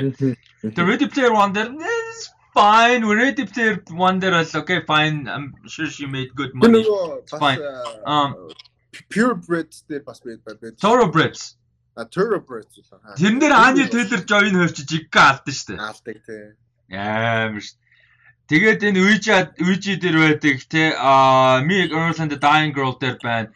Тэгээ нэг тийм өөрийн гэсэн unique нэг тийм сонин energyтэй presenceтэй. Yeah, Olivia Cook. Тэгээд тэг гоё юм нь болохоор Olivia Cook надаа нэг аа за тэгэж хэлэхээр зөвдөж гинэ бурууж гинэ мэдгүй. Гэтэ надаа нэг Nicole Kidman шиг санагдаад байгаа байхгүй карьерийн хувьд. Тийм гэж үү? Тий, яг карьерийн сонголтын хувьд яг авиас чадвар ч юм уу эсвэл одоо харагдах байдал нь төр юм шиг. Яг ямар утгатай вэ гэхээр Никол Кидман чи яг ингээ карьерээ амар болгоомжтой тэгээ популяритигаа бодоол анхаарлаа бодоол тэ зөвхөн популяр юм сонгодог ч юм уу зөвхөн артистик юм сонгодог ч юм тийм биш шүү дээ яг өөрийнхөө өссөн зүйлээ л хийдэг. Нико Кидман. Тэр нь тэгээ унах хүч үн байна, босох үн байна, тэрийгэ тоодгоо тий. Ерөөсөө л яг л өөрийнхоороо яг оролцсон гэж бодсон, өөрийнхөө таалагдсан прожектуудаа тэр нь том байна уу, жижиг байна уу, сургаггүй уран бүтээлч ухаан уу, мундаг байна хамаагүй тэгж явдаг Нико Кидман. Тэгээ тэр нь амар юм респектэд байхгүй юу? Нико Кидман яг салбар дундаа. Тэгэд надаа Оливия Кук надад яг тгий санагдаад байгаа байхгүй яг тэр талаас яг карьерийнхаа сонголт талаас уран бүтээлүүд юм. Тийм. Чи наагур юу болж байна? Би энэ чи утасны тэнэглэлчлөө орчих. Айгуу. Гэрлэний утас шиг болохгүй. За түр чи ярьж лээ. Би зүгээр камера түр унтраач. Тийм. Тэгээд надад бол хиний Оливия Кукийн карьер карьер сонголтууд нь ер нь их гоё санагдаад байгаа. Тийм. Оо би аа тийм тийм зөв зөв. Аа гоё санагдаад байгаа. Тэгээд би амар дуртай. Аха. Тэгээ яг чиний хэлснээр яг э, Ready Player One-ыг бол нэг сайн санахгүй. Би байдгийж марцсан. Тэгээ Ready Player One дээр нэг яаж fine popular кино тэгэлсэн ч fine нэг тийм сүртэй. Аа тэгэд одоо дараачлаас нэлээд popular болох бүр нэлээд нэмээд яг wide audience донд popular болох нь юун дээр House of the Dragon дээр Queen Alicent Hightower-ын дүр тоглож байгаа шүү дээ. Оо тийш үү? Тий, тэгэхэр чи одоо Ото Hightower-ын охин тий. Аа тэгэхээр чи ер нь бол гартын байсан шүү дээ нэрээ. Тий шүү дээ. Тэгэхээр нэлээд хүмүүс яг House of the Dragon-аар мэддэг болох гэж бодож байна. Тэгээд ер нь Olivia Cook-ийг дагж байгаараа шин сонирхолтой прожектуудаар оролцоход нь үдчихэж байгаараа ер нь ер нь айгүй мундаг жүжигчин гарч ирж байгаа шүү Оливия Кук гэж. За Оливия Кук гэснээс мань хүн бол Modern Love Amazon-ы а Modern Love цувралын season 1 дээр нэг эпизод дээр нэг одоо anthology шүү дээ. Нэг эпизод дээр нь айгүй хөөр сонир хөөрхөн сонирхолтой эпизод дээр нь тоглож ирсэн. А тэгээд а мань хүн Мань хүний тоглосон Modern Love-ийн season 2 гарахаар болсон байгаа. Эвтэйхэн switch хийх гэсэн чи яг гоё смут болсонгүй. Тооцоолсон ч смут болсонгүй. Тийм. А Modern Love миний би нөгөө ярьжсэн те Amazon Prime дээр орж исэн а New York Times-ийн одоо юм булан байдаг юм байна те. Байдаг. Одоо New York Times хэлж чи Modern Love уншааг байгаа гэстэй. Уншааг байгаа. Тийм. Би бол хаяа уншиж байгаа. Бас өмнөхөө баян уншиж байгаа. Гэтэ орж ирж байгаа. А тийм тэгээд Modern Love бол одоо үргэлжилж байгаа юм. А булан байдаг. А New York Times-ын тэгээд 7 хоногт гардаг. Тэгээд энэн дээрээс сэтүүлсэн ийм season 1 season 8 эпизодтой а антологи зурвал байсан. Би та хэдэд яриад байгаа тийм үзээрээ үнэхээр хайр хүрмээр ийм гоё хайр гэдэг заавал эртний эмхтэй ч юм уу те романтик гэхээс илүү янз бүрийн тэнцээ юм байгаа те янз бүрийн насны дөнгөж өсвөр насны жоох хүүхдүүд байгаа залуу хосуу дөнгөж танилцж байгаа Тэ тийч ингээ янз бүр ингээ midlife crisis-д орсон хүмүүс байж гэн бүр өндөр насанд хүрсэн хүмүүс байж гэн тэ хайртай үнэ алдаад ингээ дудаж байгаа хүмүүс хүртэл бие бинийгээ хайр хүндлэлийг олж байгаа. Айгүй сонирхолтой юм гоё. Яг нь зарим нэг эпизод нь сайн зарим нэг нь арай сул байж магадгүй. Гэхдээ ер нь бол амар гоё юм зурлаагаа заавал үзэрэй гэж аа зөвлөмөр байна. Тэгээд season 2 нь 8 сарын 13-нд гарахаар болж байгаа юм. Би бүр амар happy бүр жигэн бөө баяртай байгаа. Тэгээд 8 эпизодтай байна. А тийм цувралын ерөнхийдөө шоураннер үндсэн одоо найруулагч нь тэгээд сэтв одоо санаачилж гэх юм уу да. Хийж байгаа нь бол John Carney Тэгээ John Carney хүмүүс мэддэг Sing Street те Begin Again энтрийг хийсэн те ялангуяа Sing Street дээр те хүмүүс сайн мэддэг ба те тийм болохоор John Carney-гийн бол хөгжимтэй айгүй ойрхон мэдрэмж их байдаг ийм гоё. А тэгээд season 2 нь бол 8 сарын 13-нд гарч байгаа мэ трейлер нь гарсан байна. Тэгээд зарим нэг кастыг дурдъя. А бодох юм бол season 1-ийг бодох юм бол арай одоо олныг танил каст арай багтай. Season 2 болол. Season 1 дээр бол бас одоо Tina Fey, Andy Garcia, Dave Patel, Anne Hathaway гэдэг ч юм уу те John Slattery гэд ингээд бас Olivia Cook төрөнд орж исэн Julia Garner, Sophia Boutella, Ed Sheeran гэсэн юм бас бас бас том касттэй те тэр үгнэндээ. А тэгэхэд season 2 бол ер нь хүмүүсийн мэддэг каст бол хамаагүй бага. Одоо мэдих магадaltaй гэх юм бол Lucy Boynton байна. За Lucy Boynton бол одоо юугаар хүмүүс мэдэх бах Sing Street дээр нэг модель охин нэдэж дээ. Аа тэр охин тогсон дээрэс нь юу дээр тогсон. Bohemian Rhapsody дээр тогсон. Rami Malek тэр хоёр гэрэлчлүү эсвэл нөгөө нэг зүүмэ тавьчлуу те тэр хоёр сууд. Аа Тэгж мэдэх бах Dominic Fishback байна. Dominic Fishback бол одоо карьер нь нэлээд өсөж яваас мундаг жүжигч юм. Judas and the Black Messiah дээр тогсон. А тэгээд өөр хүмүүсийн мэдэх юм бол Garrett Hedlund байна. Аа тэгээд хин бэ? Anna Paquin бай мэдэж магадгүй хүмүүс. А тэг Kit Harington, манай Jon Snow тий. За тэгээ өөр бол яг юм popular бидний мэддэг popular юм бол бараг байхгүй. А гэхдээ Gossip нэрээ 8 өөр love story а тэр трейлер чамд ямар санагдав?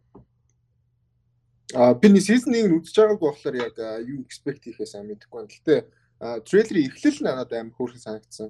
Аа нэг залуу нөгөө хүн дууралчлаа. Гэхдээ би яг тэр хүнтэй гэрэлцэн гэдэг. Аа. Би нэг бол өөр трейлер дандурсан уу? Мөн бахаа гэхдээ. Гэрэлцэн дахиад тий нэг их нэртэй л дахиад дууралж байгаа юм шүү тэр story. Тий тэр мөр амар хөөрхөн байсан. Трейлер аа би тэгэхээр яг юу expect хийхээс мэдэхгүй байна. Тэгээ ер нь бол 8 love story янз бүрийн love story-нууд тэгээд нэг тийм том жүжигчтэй бол байхгүй. Lucy Point нь Kit Harington хоёр нэг story юм шиг байна тий. Тэр богонд хамт суугаад яваад байгаа тийм тийм тийм нэр тийм байсан. А нь нэр таних дүр царай бол тэр хоёр хэлээ тий. Бусдын бол нэг баг харж байгаагүй. Тийм тэгээд Kit Harington тийм тэр тусмаа гэхдээ илүү гоё гэж магадгүй хүмүүс яг хүрж байгаа юм нарай өөр илүү нөгөө жүжиглэлт гэхээс илүү илүү genuinely санагдаж магадгүй. Баян хараад ирсэн хүнийг хараад тахлаа нөгөө анч уусаж жүжигчин ч юм уу. Тийм их санагдах юм байдаг шүү дээ. Тэгэхгүй зүгээр яг мэдгүй жүжигч тахлаар бас илүү genuine тэг илүү бодит юм шиг санагдах. Магадгүй бас байж болох. Илүү story-нд анхаарал хандуулж магадгүй. За тэгээ миний хувьд бол season 2-ыг амар хүлээж байгаа.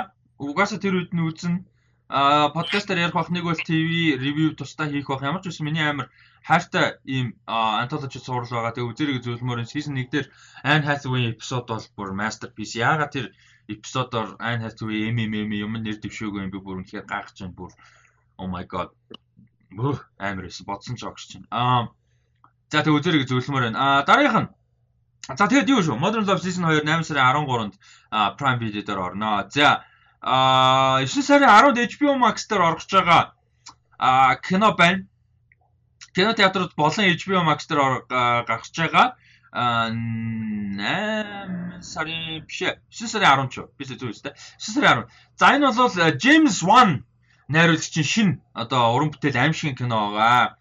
А Malignant гэдэг нэртэй. За энэ киноны гол дүрт бол Annabelle Wallis гэж жүжигчин. Одоо Annabelle Wallis-ийг нөгөө Tom Cruise-ийн Mommy Dogs нар мэдэх бах Annabelle гэдэг кинонд тэгээ өөр нэртэй дүрт тоглосон. Peaky Blinders тус тоглож ирсэн юм байна би тэрийн данч мэдгүй. За ийм кино нэ. Э би нэг за даткогоос сэтгэл асуухаас өмнө зүгээр би яг stories. Би энэ юу яасан аахгүй нөгөө яг Quiet Place тийм нөгөө сэтгэл юм суулгадаг хоррор бол биш шүү дээ. Гэхдээ хоррор тийм тодорхой хэмжээ. Гэхдээ нэг тийм балер шижгийн сэтгэл суудаг хоррор биш. Нөгөө монстр нэг тийм бас нэг гайгүй шүү дээ. Аа тэгээд илүү триллер талтай. Тэгэд Гэхдээ тэгсэн мөртлөө шүн үзгээд бас л тодорхой хэмжээ бас нэг нэг тийм тийм үдцэн мэдрэмж авч байна. Тэгээд би шууд араас нь энэний трейлерыг үзчихгүй юу. Шүн харанхууд яг кино үзэж байгаа нөхцөлдөө ингээ харанхууд ёо ямар муухай эвгүй ёо бүр яг хөө тэд дараа нь яагаачгүй л дээ гайгүй л дээ. Тэгтээ бүр яг ингээ шүн яг нэг нэг тийм partly horror кино үзсний дараа энэний трейлерыг үзэж бүр ёо бүр амар эвгүй хэцүүс яасан сайн хийсэн трейлерыг яаж ямар ч муухай creepy ёо бүр амар эс. Чамд ямар Би Аз болж чам шиг тийм аимшиг кинодаар бол үзээгүй. Тэгээ аймаггүй байсан. Би бүр бүртэн үзэх гэж бас би ч аимшиг кинодаар юм уу? Аа. Тэгээд бүтэн үзэх гэж бас зовсон. Шинэ үзэхлээс на за болиё гэж бодоод яс өглөө өнөөдөр босоод үзсэн. Тэгээд трейлерын үед амар илээ. Ялч амар илээ. Амар юу харагдаж лээ. Тэгээд тэр нөгөө өрөө мөрөө солигдож байгаа гэсэн хэсгэж яасан шийдчихээ нөгөө тийм хуучирсан хөгжиж мөгчөрсөн юм. Тэгээд Гэтэ зүгээр яг үзэж байхад ганц л юм бодогдсон. А трейлерүүд бол амар гоё лээ. Тэгээд аим Джеймс Вон хийж байгаа болохоор амар гоё аим шиг кино болох бах. А клише юмнууд байх үдэ гэдгээс л айсан. Гэтэ гайгүй баха. Тэрийг гайгүй хоо Джеймс Вон ч одоо 20 жил хоррор хийж байгаа юм те. Тэгээ нөгөө иймэрхүү кинонд нөгөө а яг явсаар хагаад өөрөө байсан байж тардсан шүү дээ тийм тийм клишэ юм байдаг шүү дээ. Зүгээр тийм байх үдэ гэхээс лайсан түүнээс биш бол амар харагдчихлээ. Трейлер надад амар таалагдсан. Тийм гол дүр эмэгтэй нь болохоор ингээд нэг юм амар хэцүү юм зүүдлээд байгаа. Тэгээ аллага маллага юм хада basically хар дараад байгаа. Тэгсэн чинь тэр нь жинхэнэ болоод байгаа үйл явдлууд болж таарад тий болоод байгаа үйл явдлуудыг болж яхад нь зүүдэндээ ингээд одоо experience-ийг хараад байгаа болж таарад тэгээ явж исэн чинь Өөрөө болвол ингээд одоо гэр бүл нь бол өргөж авсан. Тэг өргөж авахаас нь өмнө болвол ингээд амар трауманд өртсөн хүүхэд байсан. Гэтэ юу гэдгийг нь бол хинч олж мэдээгүй те. Хүүхдээс учраас тэрийгэ ярьж мэдэхгүй.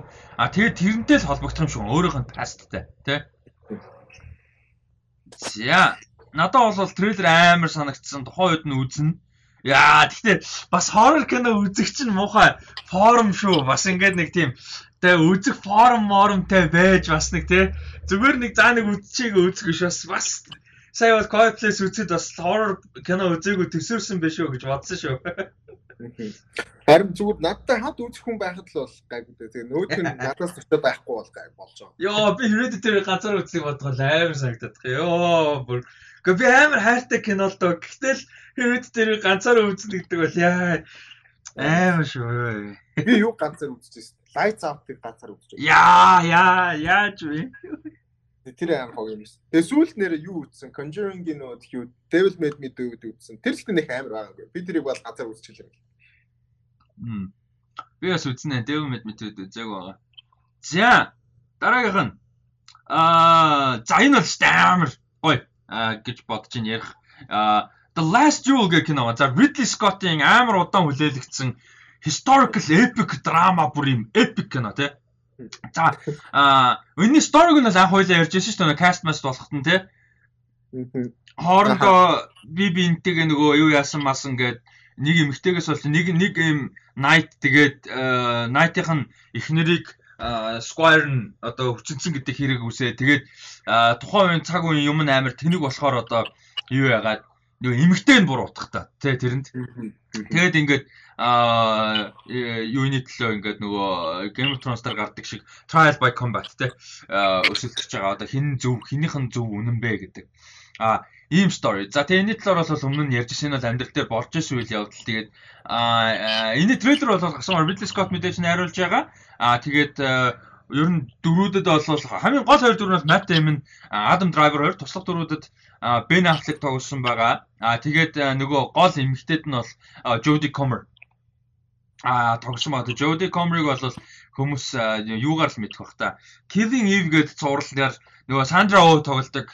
Тэгээд Jodie Comer тоглодог энэ цувралаараа нэлээд алдартай бас айгүй өндөр үнэлгээ үнэлгээ авч бас юу яаж исэн юм жижигчин байгаа. Кино гэх юм бол одоо энэ нэг юуны гол төр тоглож байгаа. Free Guy Ryan Reynolds-тай тэрнэр нэг юмтай гарч ирээд шүү дээ кино дээр.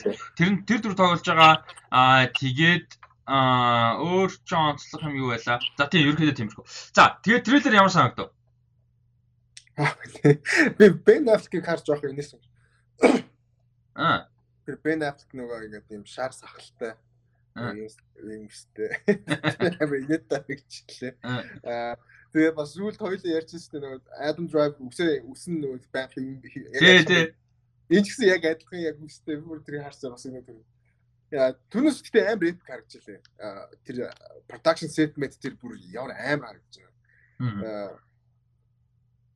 Трейлерээс шууд харагдаж лээ. Тэр бол үнэхээр гоё харагдсан. Тэгээд Mad Dem-ийг бас бас нэг тийм минутаа бас инээтэй харагдал лээ. Гэхдээ зүгээр хувийн юм шүү. Түнэс амар амар харагдаж лээ. Трейлер надад амар таалагдсан. Аа нэг тийч нэг юу мөр чимдээ тэр Adam Driver-ын дүр болохоор би буруугүй гэж байгаа Гэхдээ яг болсон юм болохоор тэр эмгтэл яг тэр эмгтэл ялчгүй тэгээд нөгөө бүх юмний гол нь занглаа гэх юм уу та. Тэгээд тийчээ ингээд нэг өөрөх нь зүг зүг цааш юм те өөрөө тийчээ victim battle тэгээд яг өөрөх нь бүх юм өөрөх нь эсрэг байгаад байгаа юм шиг. Тэгээд тийм мэдрэмж угаасаа трейлер дээрээс харагдсан тэгээд ер нь бол дисэн яд хүлээж гэх юм уу да. Яг энэ трейлер үзээд бол яг энэ энэ гоё болох юм байна гэсэн нэг тийм юм. Аа аа юу болохоор тий тэгээд каст гоёос гадна бас нэг гоё юм нь болохоор хин хоёр чинь Ben Affleck, Matt Damon хоёр чинь Good Will Hunting-ийн screenplay бичээд айгүй залуудаа 92 3 онд те Оскар авч ирсэн шүү дээ. Best Original Screenplay-ээр авч ирсэн. За тэгээд тэрнээс хойш мэдгүй одоо энэ хоёр хизээ хамтарч кино бичсэн мэдгүй байна. Гэхдээ энэ кинонд бас хамтарч зохиол амжилтсан байгаа. Бас big deal те. А тэгээд Nicole Hollow Sinner гэж эмэгтэйтэй хамтарч бол энэ гурав болвол зохиолыг бичсэн. А тэгээ энэ эмэгтэй болохоор өмнө нь Enopside-ийн зохиолыг бичсэн нөгөө James Gandolfini-тай а тэгээд сүүлд Оскар нэр дэвшсэн Can you ever forgive me гэх кино байсан шүү дээ. Тэрний зохиолыг бас бичсэн байгаа.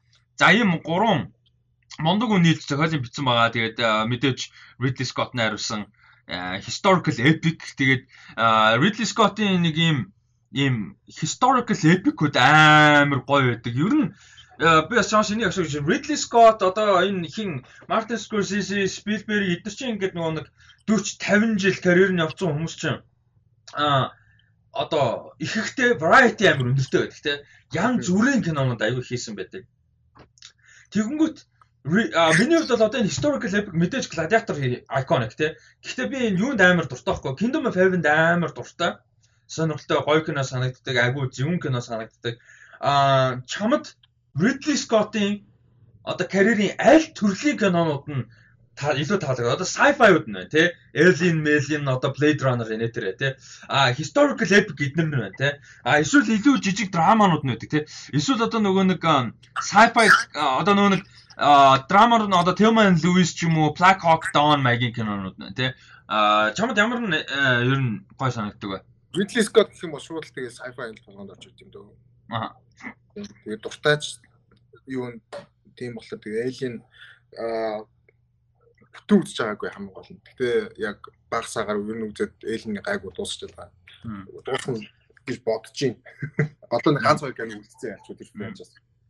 Аа тэгээд мэдээж Blade Runner.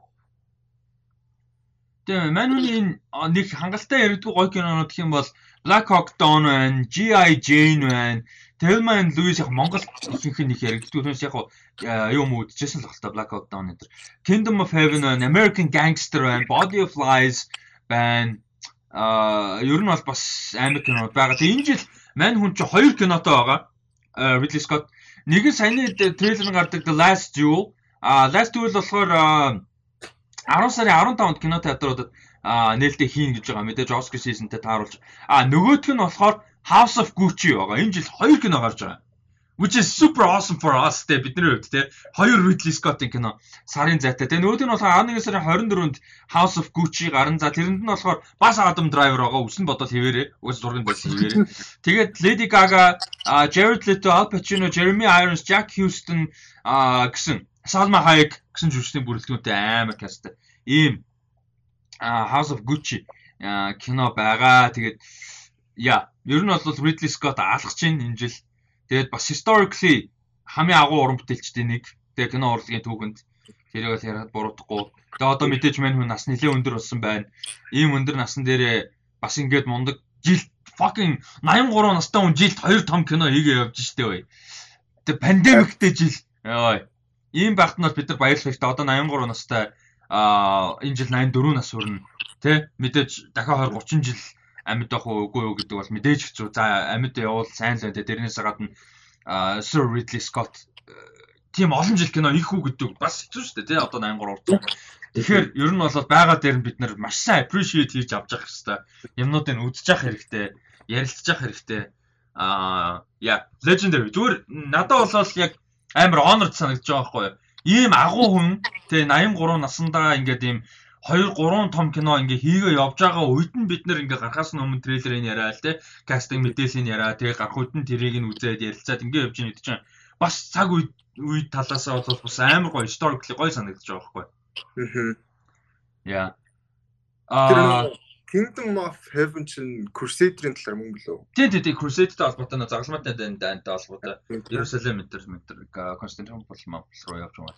Аа за дараагийн аа юу нь болохоор одоо манайд бас ерөн сэтгэлээ энэ дэр нэмээд хуваалцаар Ridley Scott-ийн ер нь аль төрлийн кинонууд нуртай ер нь манайчин crime thriller талдаа юм байдаг те sci-fi байдаг fantasy байдаг historical fiction зөндөө байдаг. Historical epic бас байдаг те ер нь ямар төрлийн кинонууд дуртай байдаг болж өгөөд бас дотоо кинонууд нь үдж байгаараа би ч гэсэн. Байгаа кинонууд үзнэ гэж боддог. Тэгэд нэг юм боддоо шүү дээ. Датко одоо энэ Spielberg байна, Scorsese, Ridley Scott те ингээд нэг одоо хуучны годууд те мундгууд а энэ хүмүүс мэдээж одоо ингээд юм өндөр настай ч гэсэн кино уран бүтээл хийгээ явж байгаа гоё байна. А гэхдээ ингээд карьер нь болохоос өмнө ч юм уу зогсохоос өмнө те Клинт Иствуд зогсохоос өмнө одоо та бүр одоо муугаар ярихад нас ураас өмнө карьерийнх нь гол уран бүтээлүүдийн. За найруулагч бол найруулсан уран бүтээлүүдийг бүгдийг нь үзчихсэн гэж боддоо шүү дээ. Бага дээр нь. Харин нэг тийм бага дээр бүтээ appreciate хийгээ те. Харин одоо ингээд Spielberg-ийг яг ингээд бодоод үзэнгүүт яг 90-ад оныг ингээд define хийсэн юм шиг мөртлөө тэрнээс өмнө хийсэн амар мундаг кинод байгаа. Тийм бүр 70 80 80 донд хүртэл алж байсан юм шүү дээ. Тийм алж байсан мó. Тэдрийг үдчихэж байгаагүй. Тэгэхээр бас яг бас яг тэр хүнийг яг ингээ full appreciate хийхин тулд яг тэтрийг нь хиймээр үзмээр санагдаад идэв. А одоо жишээ нь тэр нөгөө юу third юу лээ? Close Encounters with the Third Kind. Close Encounters with the Third Kind маань гэдэг тэд нар мэдрийн үзсэн үзмээр байдаг байхгүй. Үзэж байгаагүй. Тэгээ хамгийн сүүлд тэр нөгөө Poltergeist юу лээ? Poltergeist хүмүүс амар их андуурдаг байхгүй. Spielberg, Spielberg их биш. Мань хүн зохиолын бичээд а продюсер ажилласан. Гэтэ юу яадаг юм бэ лээ л дээ тэр credited найруулагчийг бүтэн найруулаагүй Spielberg амар кино сетэн дээр нь тусалж найруулагчаар ажилласан гэж ярьдаг rumor байдаг. А гэтэ албан ёсоор бол Spielberg найруулаагүй. Тийм тийм ялчгүй гэхдээ тэр influence нь ялчгүй тэгээ Spielberg. Тийм тийм. Яа. Тийм тийм. Яа. Яг хөө тиймэрхүү кино мэнүүг бас үзмээр санагдал байна. Тэгээд үзэн дээ. Одоо тэгээд байхгүй одоо тэр хүн байхгүй басныхан дараа тэгэл яг одоо одоо чинь Куприк байна. Нэг бол одоо юу гэдэг Хичкок яг бидний үед угаасаа үзнэ гэдэг хэцүүлэх. Гэтэ ер нь бол Куприк болохоор ялчгүй тэгээд нэг 90 он мөн гэдгийг бол бас байсан шүү дээ. Тийм байсан байсан. Ер нь 90 он хүртэл байсан шүү дээ. Он хүртэл байсан. Тэгэхээр бас ингээд Куприкийн кинонд бас үзмээр санагддیں۔ Тэгээд хин киног бас үзээгүй нөгөө юу Space Odyssey-г үзсэн баг. А одоо Shining Нэг ойрын хугацаанаас нэг үзэх байх нөгөө доктор Sleep үзсэн амар үзэх incentive амар төрсөн. За дараагийнх нь а хэдүүлээ цаг өнөөдрийн дугаар дээр бол жоохон цагны лимиттэй байгаа. Уул нь гой сэдвүүд байгаа гэхдээ жоохон цагны лимиттэй. Ягаад тэгэхээр тайлбартай. Тий. А дараагийнх нь гэхдээ гой сэдв ярилцж байна те. А э за дараагийнх нь болохоор 2022 онд бүр гарч байгаа 22 оны 3 сарын 22-нд нээлттэй хийх юуны шинэ кино. Pixar-ын Pixar-ын шинэ анимашн Turning Red гэдэг те. А за Turning Red-ийн анхны зүгээр тийм богинохон тизер гарсан байгаа. Тэгээд энэ бол нөгөө хойлоо өмнө нөгөө кастинг каст биш бүр нөгөө найруулагч нь өөрийн гэсэн бүрийн хэмжээний кино найруулж байгаа гэж яхад нь хойлоо ярьж ирсэн. Домеши те нөгөө Pixar-ын богинохон хэмжээний нөгөө юу гэдэг бао гэдэг амар хөөрхөн дээр мантун буцтай мантуутай. Тийм. Тэрний найруулагч юм бол юм анхны бүрийн хэмжээний уран бүтээл байгаа. Тэгэд анхны Pixar-ын анхны эмэгтэй найруулагч одоо би даалж найруулж байгаа. Зохиол эмчиж найруулж байгаа анхны уран бүтээл а болж байгаа юм юу байгаа. А киноога тэгэд жижигхэн тийзер нь гарсан байгаа. Энэ хөөрхөн байсан уу? Амар хөөрхөн байсан уу? Амар хөөрхөн байсан. Амар хөөрхөн байлээ. Би тэгэхээр тэр нөгөө концептын нөгөө концептын тэр гараад нөгөө хэдлээ амар их ярьжсэн шүү дээ. Тэгээ нөгөө тийм нөгөө red panda бол болж өгдөг юм гэдэг. Би ягаад ч хөврөхтөө нэг жижиг юм төсөлөөсөн байхгүй юу? Жижиг хөөрхөн төсөлөөсөн. Жижиг. Тэгсэн чинь амар бас тийм үр тэрэлэг holy shit okay this interesting.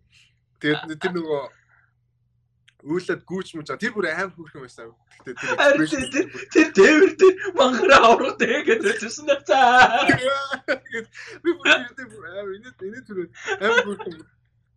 Тэгээд тэр нөт ингээд like relax relax дээ calm down. I'm calm. I'm calm. Тэр бүр аим хөөрхөн. Тэгээд амар амар амар хайр татсан юу болох вэ? Анимашн болох вэ? Яг тийзер бол амар хөөрхөн байлаа ялч. Тэгэд мэдээж амар not so а содалтай юм хөндөж байгаа юм нь бол мэдээж өсвөр настай анх ингээ 13 нас хүрж байгаа preteen болж гин өсвөр нас бие физиологи өөрчлөлт орж гин сэтгэл зүйд өөрчлөлт орж гин тэ. Тэр бүхэн хүүхдэд ямар санагдаж болох уу ямар мэдрэмж өгч болох уу юу нь хэцүү байдаг те? Хин нь ойлгодог хин нь ойлгож чадахгүй байна те? Энэ бүхнийг бас хөндлөл бах л та explore хийх бах гэж бодож байна. Тийм тэгэл яг нөгөө тхиүү гэр бүл доторх дайнамик минь одоо ээж аавтайгаа яаж харьцдаг юм тэгэл тэр нөгөө ээж нь ингээд гарч ирэнгүүт ичиж мэгчээс л те. Угсаа нэг тийм тэгдэж штэ. Манай уул амар бэлэн байсан те шалгалт өгөхдөө. Амар баал малаа эргүүлж байсан штэ. Яг яг бэлэн те. Өөс амар хөөрхөн тийзер байсан бүр ингээ дахинд нэг тийм бүр дахин дахин үзэл инээгээ тамир амар хөөрхөн тийзер байсан. Тэр тээвэр дээр ингээ хүч байгаас бүр бодгол инээдэг. Бэс бэс бэс бэс. Амар амар хөрх харагдсан. Тэгээд киноноос гоё юм гэж найдаж байна. Тэгээд Домишигийн хувьд бол одоо зүг уншиж байгаа байгаа. Домишигийн хувьд бол тэр нөгөө баа бас айгүй хөөрхөн байсан шүү дээ. Тэгсэн мөртлөө бас айгүй гоё сэдв хөндөөд сэтгэлд ингээд ойрхон байж чадсан тийм байсан те. Тийм тийм болохоор бас тэрнээсээ зүрхгүй бахаа гэж найдаж байна. Аа ер нь бол За би даатгаа бас нэг юм асуух гэдэг юм л да. Нэг юм асуугаа тэр орондоо би нэг усыч дээр тэгээд аа ер нь ингээд яг хүмүүст санал болохоор одоо энэ turning rate шиг мэдрэмж өгөхөөр заавал анимашн гэлтгүй кино, зураг, анимашн юу байдаг вэ чиний хувьд? Хүмүүстэй нэг хуваалцаач. Яг нэг иймэрхүү мэдрэмж заавал яг анимашн биш шүү. Э үзээгүй гэхдээ Мира яг ийм мэдрэмж өгөх бах те. Оо тий тий тий би явахаас өмнө хэлчихээ тий Мира бол тий шүү. Мира бүр амар гөргө бүр татаан зөө ёо бүр амар гөргө. Аа үзөө ийм мэдрэмж өгдөг анимашн кино. Sorry дат гэхдээ чамайг шууд буландаа тэгээ гараад явлаа би sorry. Аа тэгтээ юу байдаг вэ? Би бүр хасууд орж ирдэг байлээ. Аа аа shit. Аа эсвэл айл болон тослоо shit. Аа Inside Out Inside Out амар хөөрхөн шүү. Аа амар cute. Тэгээд өөр чин юу гэдэг юм бэ? Мөлхөөж аал.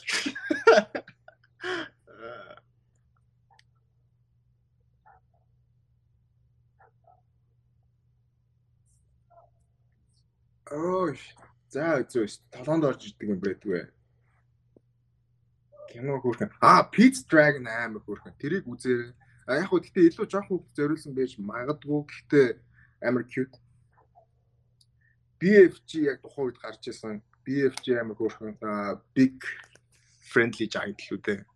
Spielberg-ийн найруулсан кино гэж санаад байна. Тэр бас амар хөөрхөн байсан. Оо тэгээд Paddington, Paddington. Oh my god. Яалчгүй ингээд гэр бүл зориулсан кино, хүүхдүүдэд зориулсан кино. Нэг хоёр хоёулаа амар гоё. Хоёр нь баг Rotten Tomatoes дээр 100% байдаг санагдаж байна. Өөр чин Тийм тэгээд баав obviously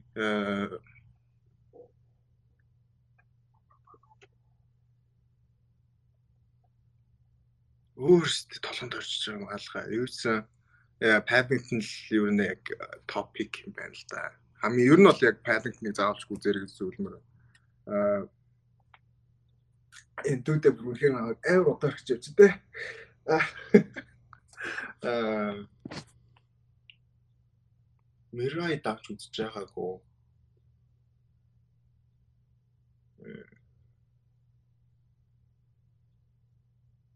А юу Spirited Away дээр нөгөө том giant хүүхд мөхдөд шүү дээ. Яг хөөхөн гэж хэлэх хэцүү. Гэхдээ нэг бас хөөхөн а story line явдаг. Тэр мөр амар хөөхөн байдаг. Өөр чин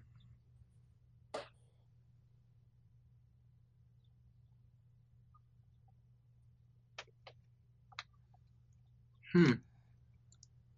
Зягаагүй юу? Гайгүй. Аа тэгтээ яг толгоонд амар олон юу орж ирдэг вэ? Paddington л юу амар тийм юу юм шиг байна. Санал болгоход амар. Nice. Хүмүүс Paddington-д айгүй дуртай юм байлээ. Paddington ч амар хөөрхөн үзэхэд ялчгүй амар гоё. Тэгэхээр яг family илүү family юм уу лээ. Аа. За, тэгээд намайг усыг ярьж явах орондоор яасанд баярлалаа. Яа, эсвэл бэтэр болон дуулсан шүү дээ. Сандарлаа шүү дээ. Муухай гидтэй яж байгаа яаж хахад толгой дотор олон юу орж ирдэггүй шүү дээ. Сандарлаа шүү дээ. Sorry. Аа За тэгээд Turning Red 3 сарын 22-нд театрт гарнаа. За тэр үед нь театрт үзчихсэн да одоо арайчтэй тэр үедээ театрт үзчихсэн. За. Дараагийн мэдээ. Трейлер энэгээр дуусч байгаа. Дараагийн мэдээ за HBO Max дээр Game of Thrones-ын 2 анимашн а цуврал цуврал юм уу кино юм уу? Цувралах л та. Хөгжүүлэлтэн дээр явагдаж байгаа гэсэн мэдээ байна. За нэг нь бол өмнө нь бид нар ярьжсэн те. Нэг юу бол project бол ингээд юунд явж байгаа? Хөгжүүлэлт чаданда анимашн цуврал бол хөгжүүлэлтэн дээр явж байгаа гэд а бол ярьжсэн. За Өнөөдөр болохоор байгаа шинээр нэмэгдэж байгаа одоо яг хөгжүүлч чадсан дээр шинэ бол яг бүр project албасаар болно гэсэн үг ш. Хөгжүүлэн дээр явж байгаа нэг нь болохоор өмнө нь ингээд live action гэж яригдчихсэн. Live action-аар хөгжүүлнэ гэж яригдж байгаад болцсон а ийм цуврал анимашнаар хийхээр болсон гэж байгаа. Одоо хийхээр одоо хөгжүүлэлтэнд явж байгаа. А нөгөөх нь болохоор одоо Golden Empire of ET одоо ET буюу нөгөө Esos-ын Esos TV-ийн бүр зүүн ураг шоудаг одоо юуны одоо Идүүийн хятадас хятадын гүрнээс те Imperial China хятадас бол одоо сэтүүлсэн ийм юу байгаа ус байдаг те юм дотор уралд дотор болол за тэрэн дээр бол суурилсан тэнд үйл явдал нь өрнөх ийм анимашн зураг бол HBO Max дээр хөгжүүлэлтэндээ явж байгаа юм. За эднэрийг бол adult animation гэж нэрлэдэг байгаа. Яг тэр нөгөө яг хүүхдэд зориулсан бол биш те. Яг Game of Thrones-ийн world-д л яг тэр vibe-аар ч гэдэг юм уу даалгах хэллэг ядлах одоо юу гэдэг ийм гэж байна. За иймэрхүү мэдээлэл байна. Тэгээ нөө нэг өмнө нь спин офф хийгдэж магадгүй тэ хоёулаа бас айгүй сонирхолтой байна гэж ярьж исэн цуврал бол одоо болж байгаа юм байна. За тэр нь юу вэ гэхээр flip bottom flip bottom-ын цуврал бол одоо яг яг project болж хөгжүүлэхээ бол болж байгаа юм. Зүгээр яригдчихсэн, хөгжүүлэлт явж исэн. Тэгээд ер нь бол энэ олон ID-нууд дундаа хамгийн одоо а одоо болох канселдах магадлал өндөртэй project байсан нь бол flip bottom байсан гэж а ярьж байгаа юм байна. За тэгээ одоогийн байдлаар бас яг альбан ёсоор public зарлагдаад байгаа нь бол мэдээж House of the Dragon 22 онд гарч эхэлнэ гэж байгаа. 22 оны 4 сард гэж ер нь бодоод байгаа. Game of Thrones ер нь тэр гарч ирсэн. Аа тэгээд А юу бол production төр зогссон байгаа. Нөгөө сетэн дээр ажилладаг хүмүүсийн нэгнээс нь ковид илэрсэн учраас төрхөн хугацаанд зогссон байгаа.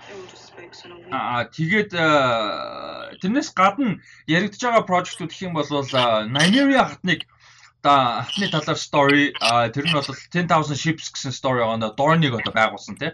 House Martell-ийн одоо их хэцэг гэх юм одоо үг хэцэг эмиг эмиг хэцэг. Тэгээ тэгээд Nine Voyages гээд бас нэг суурал яригдж байгаа Velaryon-ы талаар талаар те нөгөө нэг Velaryon Corvus Velaryon те нөгөө Sea Snake одоо юм дээр гарна шүү дээ House of the Dragon дээр гарна. Тэрний талаар суурал бас хөгжүүлэлтэнд явж байгаа гэдэг. За ийм мэдээлэл байна. ET-ийн талаар чи хэр сонирхолтой байна? ET Empire of ET. Тэгээ одоо яг Game of Thrones яг илүү юу руугаа явбал яг ертөнцөө илүү тэлэх тал руугаа явбал ялчгүй байна.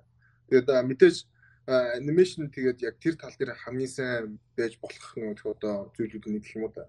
Аа. Илүү одоо crazy те илүү одоо гоё хязгаарлагдахгүй шүү дээ. Одоо нэг тийм лимит байхгүй юм уу та. Тийм.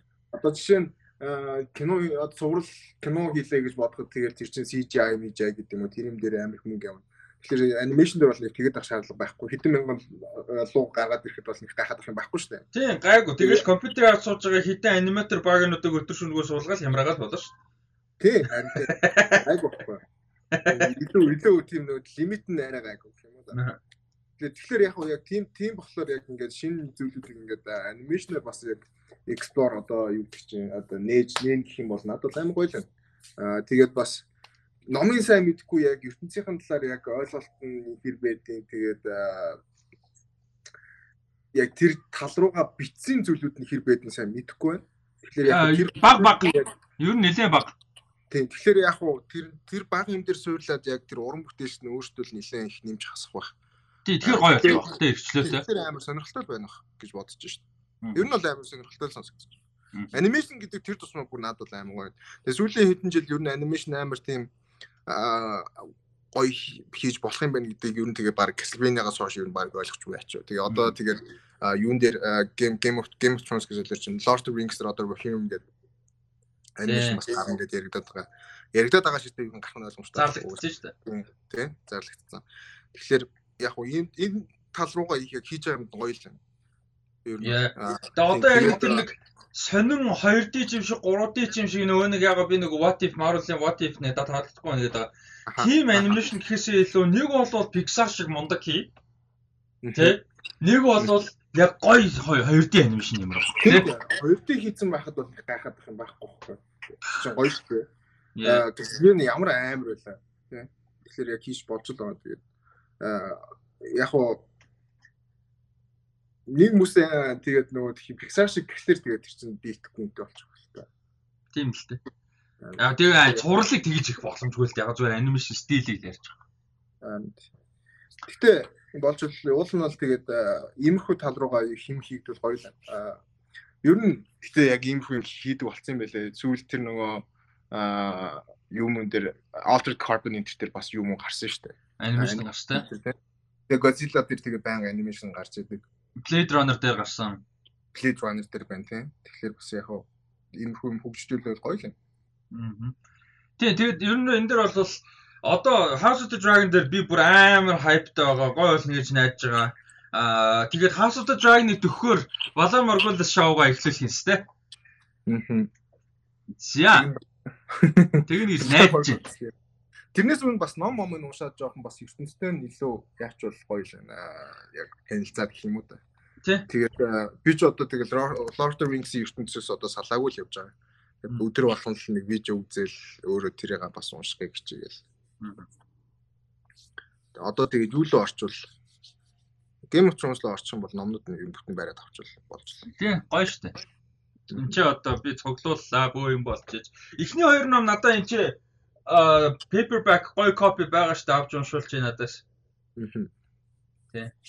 Тэгээ энэ Night of the Seven Kingdoms тэгээ Fire and Blood мод бас байгаа.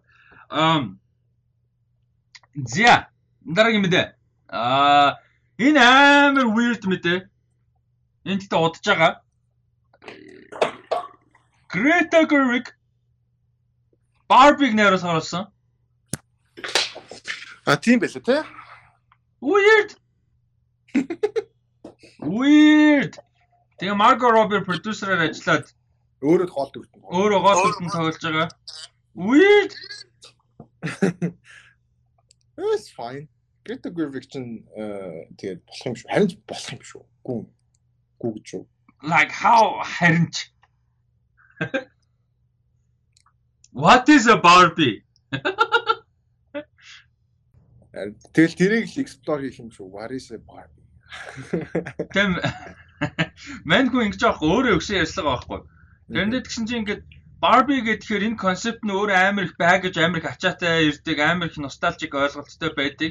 Тэгээ хүмүүс ер нь бол яг э, Barbie гэхээр аа ямар хөө кино байхыг ингээд мэддэг те ингээд мэдгэн цаашаа одоо мэднэ гэж боддог. А тэгсэн чинь Greta Gerwig найр зохиолч найрлан гэхэр хүмүүс like оо нэр үгүй ч юм уу гэж бодох байх гээд өөрөө тэгж ярьсан бохоо. Greta Gerwig өөрөө тэгж ярьсан.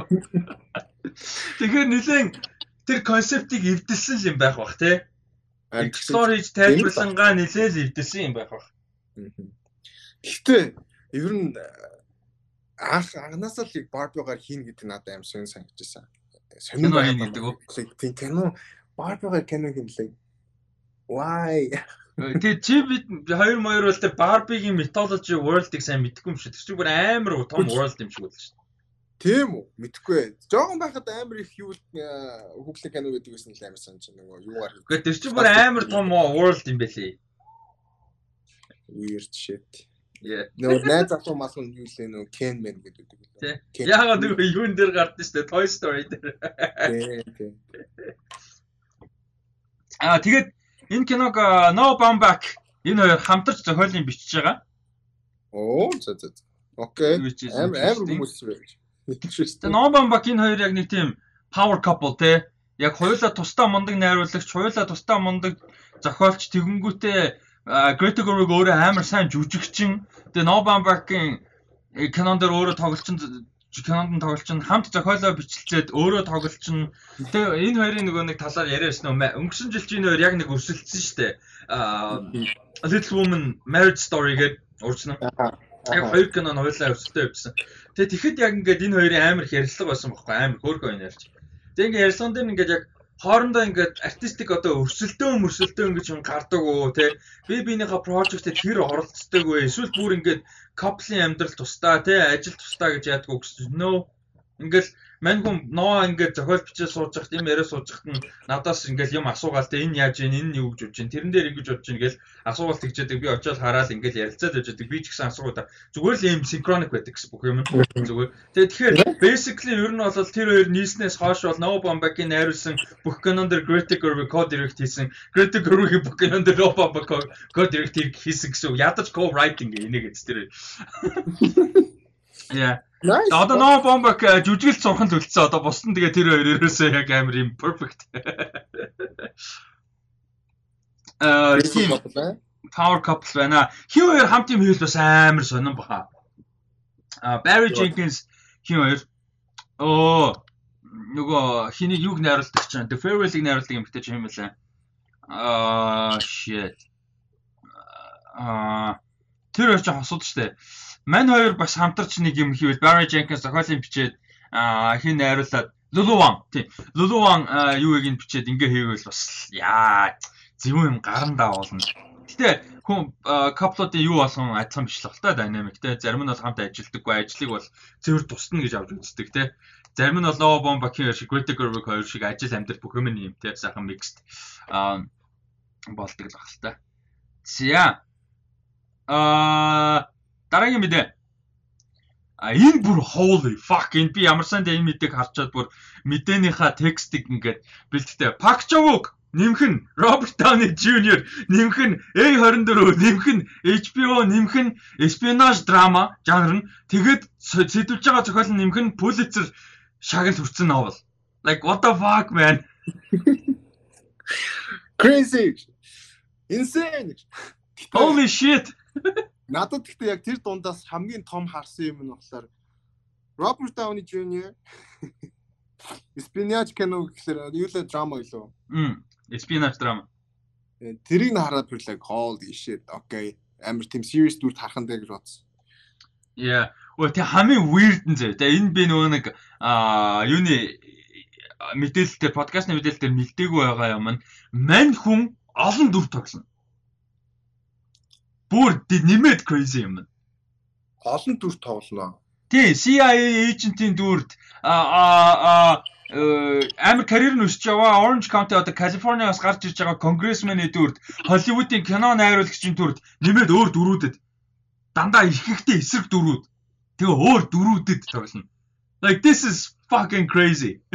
Holy shit. That's big юу болох гэдэг. Гэхдээ A24 шиг яа. Тий тэгээ HBO дээр гарна production-ыг нь A24 A24-өөс одоо ордер хийсэн HBO тэгэнгүүтээ production-ыг нь яг одоо оюуны өмчийн гэх юм уу да тий одоо яг original санаа юмыг нь Team Downey компани хийж байгаа. Robert Downey Jr. тэгээд Susan Downey хоёр өөрсдөө продюсераар ажиллана. Окей.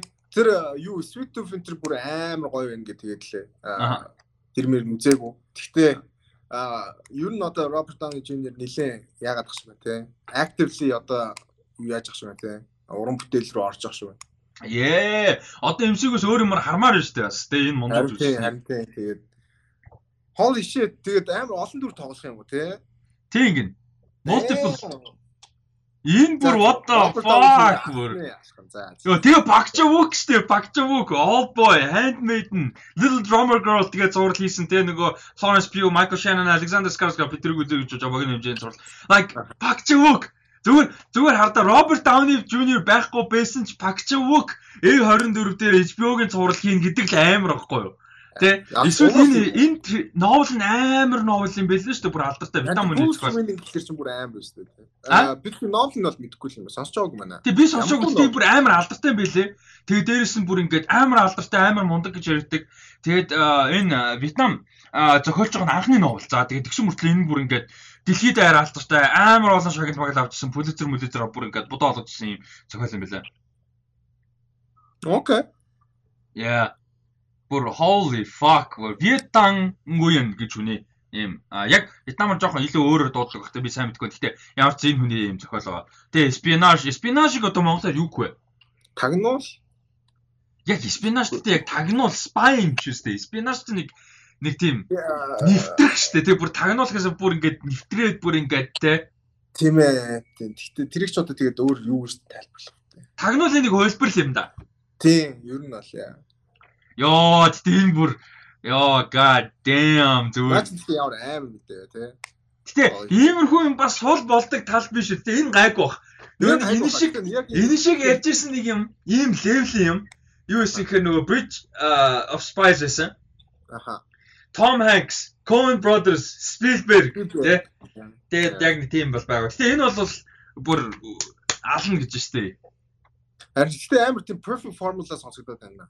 Аа Гэхдээ Robert Downey Jr. бидэгтээ одоо ингээд өөр ингээд олон кинонд харна одоо олон дүрт харна гэсэн юм гоё сонс. Тэгээ ядж хахад энэ олон дөрүүдэд тоглон тэгээ эсрэг дөрүүд гэж байгаа байхгүй хамгийн зөв нь. Бүгд үү? Multiple main antagonists гэж байгаа байхгүй юу? Окей, окей. This is gonna be weird as shit. Sorry. Дээр гэршөө. Тэгээд энэ Team Down юу штэ? Season Down-ы Robert Downey Jr. хоёрын компани. Энэ хэд чинь энэ HBO дээр гараад амар их нөгөө нэг шагнал мангал аваад анхаарал хандаадсан. Би бас тухайн үед нь товчхон дурдж исэн Perry Mason гээд цуурлыг бас хийсэн юм байна штэ энэ хэд. А тэгээд удахгүй HBO дээр Perry Mason гээд нэг гарсан юм а. Нилээ анхаарал э, нэг татаагүй байхгүй юу? Жижигхэн гараад өнгөрцөн гэхдээ амар шагнал мангал авсан. А тэгээд удахгүй гарч байгаа Sphere гээд цуурл байгаа тэрийг бас хийж байгаа юм байна. Аа sound sci-fi. Тийм, sound sci-fi яа. А тэгээд HBO A24-ийн хувьд бол бас нэлээд юм дээр хамтарч байгаа. Өмнө нь бол Euphoria хамтарч хийсэн season 2 дээр нугасаа ажиллаж байгаа. А дээрэс нөгөө Olivia Assayas-ийн нөгөө Alicia Vikander гол дүрд орж Irma Vep гэдэг нэг амар weird shit гэнэ байсан шүү дээ. Бас хоёлаа ярьж байсан шүү дээ тухайд нь. Тий, тий, тий. Тийм. Нөгөө жүжигчний дүр тоглож байгаа гэдэг. Тэгээд тэрийг а тэрийг бас A24 HBO хамтарч хийж байгаа. А дээрэс нь Park Chan-wook-ийн хувьд бол Decision to Leave гэдэг romantic murder mystery кино дараагийн кино нэг. Одоо яг одоо ажиллаж байгаа кино. Тэгэхээр энэ а энэ энэ зохиол нь sorry саяны ярьсан амар их юм ярьсан мөртлөө зохиолгоо нэрийг хэлээгүй мэн. The Sympathizer гэдэг зохиол шүү. Одоо энэ Robert Downey Jr. тоглож байгаа. Sympathizer. Sympathizer. Аа окей. The Sympathizer-ийн project бол одоо яг ингээ хөлөө олж байгаа учраас 23 мөрөөноос бараг Nashville юм байна л да эсвэл 20 20-ны бүр сүүл ч юм уу те. Ягаад гэвэл Bakchumuk одоо өөрөө яг өөр бүрийн хэмжээний кинон дээр ажиллаж байгаа учраас аа ийм юм байна. Гэтэ энэ бол яг ингээд нөгөө бүр яг амар олон жил дагнаад хүлээх project байна те. Харин одоо тэгэл нөгөө project нь явах тусам тэгэл нөгөө зарим нэг өөрчлөлт орно. Нэг бол зарим нэг мэдээ нэмэгдэн. Тэгэхээр ер нь подкастер бол нэлээд л ярих баг. Тийх баг. Тэгээ ингээд одоо ингээд харахаар хоёулаа подкастыг 2 3 жил хагас болцсон чинь амар их энэ хугацаанд ингээд анх зарлагдж яхад нь ярьж агаад каст юм ингээ өөрчлөгдөөд яваад гараад өнгөрөөд тэгээ cultural одоо ямар ач холбогдолтой босныг нь ярих хэмжээд болчих тээ. Яг 3 жил гэдэг чинь бас бас хугацааны үе тийм биш тээ. Бас сонирн биш үү. За дараагийн одоо нэг 2 3хан а хоёр жижиг кастинг мэдээлэл жижиг цаашаа зүгээр нэг ярих юм их байхгүй гэхдээ зүгээр кастинг мэдээлэл а Indiana Jones 5 А кинонд мэдээж Harrison Ford байгаа, James Mangold найруулж байгаа. А дээрээс шинэ каст гэх юм бол Phoebe Waller-Bridge а Mads Mikkelsen хоёр байгаа. А энэ бол хуучин мэдээ. А нэмээд шинэ мэдээлэл нь Antonio Banderas ах нэмэгдэж байгаа маань энэ кастад. Окей. А Antonio Banderas-ийг хараагүй яасан ч болсон. Нэрийн сонсоог бодсон тийм. Pain and Glory-гоор сайн нэг хэсэг явж штэ. Pain and Glory. Pedro Almodovar-ын. Тийм ээ тийм. Яа Тэгэд нэг Pablo Picasso-гийн талаар нэг кино тоглоод танаагаар. Тэгээд цуврал Genius гэх нөө National Geographic-ийн season болгоно нэг хүний тухай байдаг цуврал дээр. Тэрэн дээр ч одоо Pablo Picasso, Aretha Franklin, Einstein Альберт Айнштайн тэгээ нэг нь хэм байла? А Мартин Лютер Кинг. Ийм э, юунууд бол гарч байгаа штэ. Сизнүүд. Тэрийг бас үзэх юмсан. Тэр аим юм. Тэр гоё гэсэн, гоё гэсэн, амар гоё гэсэн.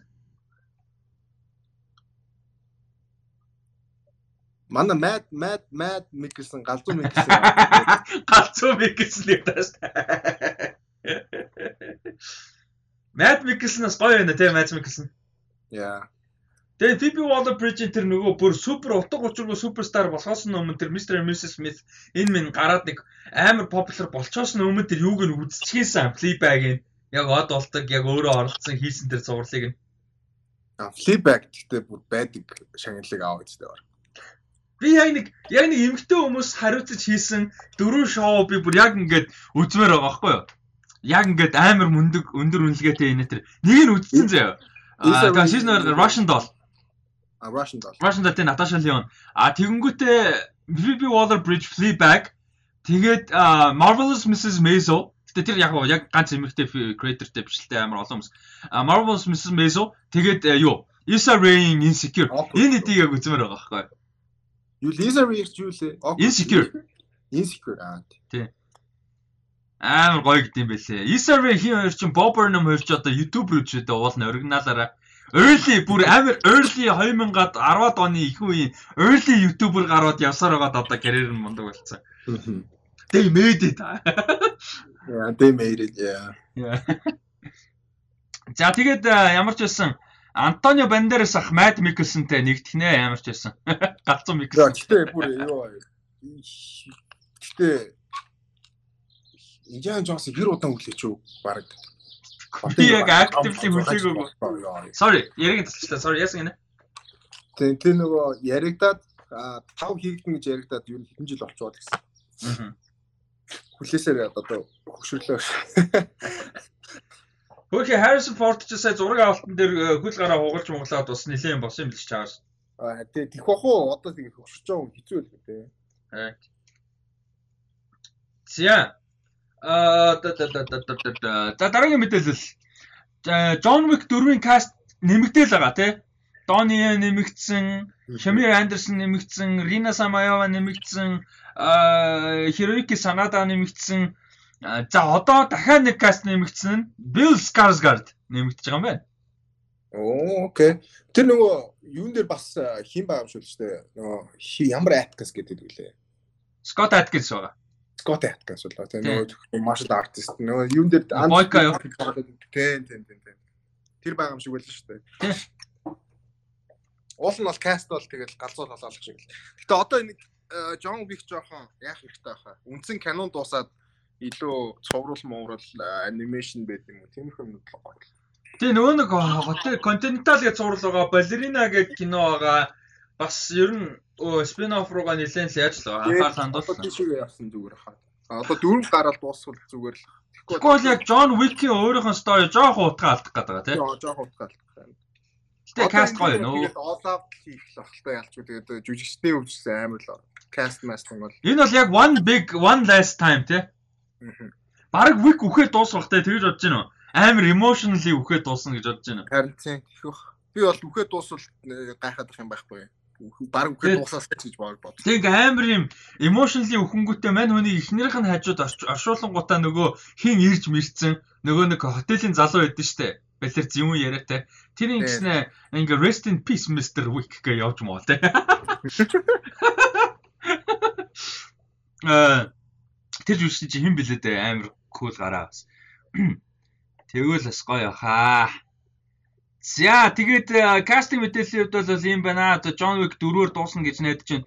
Гоё ч болно гэж найдаж байна. За тэгээд сүүлийн мэдээлэл ярих сая сүүлийн өнгөрсөн 7 хоногудад бол Кани кино наадам болж өнгөрсөн байгаа. Тэгээд Кани кино наадам дээр бол шин кино А ямар тэнэг өгүүлбэр хэлчих. Ойлгомжтой шинэ кино шагналын авна л да. А а Titan гэд хойлоо ярьжсэн те нөгөө Rogue киноны найруулагчийн амар weird shit trailer байсан дээ. Амар weird кино болох юм байна да гэж ярьжсэн. Titan гэх кино байсан. Ямар трейлер байлаа? Амар weird трейлер байсан дээ. Хойлоо ярьсан ярьсан. А тэр кино Palme d'Or-ыг авсан, шилдэг киног авсан. Тэгээ энэ нь бас нэлээд том түүхэн амжилтууд бас энэ юугаар Канаар бол бас тодорсон юм билээ. Эмгтэй найруулагч ер нь бол бас том шагналуудыг авсан айгу цөөхөн байдаг. Тэр нь нэлээд бос юм шиг байгаа. Ер нь бол нэлээд одоо сонирхолтой кан босон юм шиг бэлээ. Айгу олон талаас. Тэгээд Titan гэж тэр weird кино ямар ч байсан шилдэг киног нь авжээ. Аа тийм ямар ч байсан. А Төгөрнөө гэж найруулагчийн уран бүтээл. Тэгээд дээрэс нь хүмүүсийн бас мэдих мэдэж магадгүй уран бүтээлчдийн кинонууд бол байсан хэний Paul Verhoeven-ийн шинэ кино байсан, Oscar Farhadi-гийн шинэ кино байсан. Ер нь бол бас нэлээд л онцлог кино ихтэй кан наадам бол болсон юм байна энэ жил. Тэгээд шүүгчний бүрэлдэхүүн ерөнхийлөгчөөр бол энэ жил Spike Lee ажилласан. Тэгээд шүүгчний бүрэлдэхүүн Matty Diop, Million Farmer гэж одоо Франц жүжигчин дуучин зохиолч эмэгтэй Maggie Gyllenhaal байсан, Jessica Hauser гэж зохиолч найруулагч Melanie Laurent байсан, а Kleber Mendoza Filio гэж жүжигчин найруулагч, Tahar Rahim гэж жүжигчин, тэгээ Song Kang Ho байсан. А Parasite-та тоглолдог. За энэ хэд бол ингээд шүүгчдийн бүрэлдэхүүнд ажилласан. Тэгээд Titan кино. А ямар тач шилдэг киног нь авжээ хамгийн том шагналыг. Тэгээ энэ дэр бас юу яасан юм бэ? Аа хин Spike Lee фэлцсэн юм байна сайхангаар. А хамгийн одоо нөгөө нэг Pomodoro ч хамгийн том шагнал тий. А тэгээ тэрний араас нөгөө нэг найруулагч нь том шагнал байдаг. А тэгээ бас нөгөө шинэ одоо анхны кино найруулж байгаа. Ингээд ингээд одоо шагналыг дараал байдаг. Тэгээ тэгсэн чинь хамгийн том шагнал буюу Pomodoro-ийнхаа ялагчийг төрүүлээд санаандгүй зарлцсан юм байна. Spike Lee. Ба тэгээ тэр нь бас тэр хүүхэд эндээ бас нэг юм инээдэн мэдний инээдэн ханиадан болсон л юм байна л да. Аа тийм болсон гэж бас битсэн байна. Spike Lee фейлдсэн сурагтай. Яг хөө тэгтээ тэр нөгөө Moonlight-ыг андуурттай. Аа Тий, тий. Тэрийг бодвол хамаагүй гайгүй юм шиг л. La La Land-ээс бас эвгүй байсан шүү. Тэр өстө хүү, өстө what the fuck moment эс тий. Яа, миний яг лайв үзчихсэн хамгийн эвгүй юм тэнийг байсан тэр бүр. Тэгээ өмнөөс нь бүр ингээд одоо тэг жим тэгээд нэг яг нэг тийм санаа зовоод авд эвгүй байсан хэцээсэн.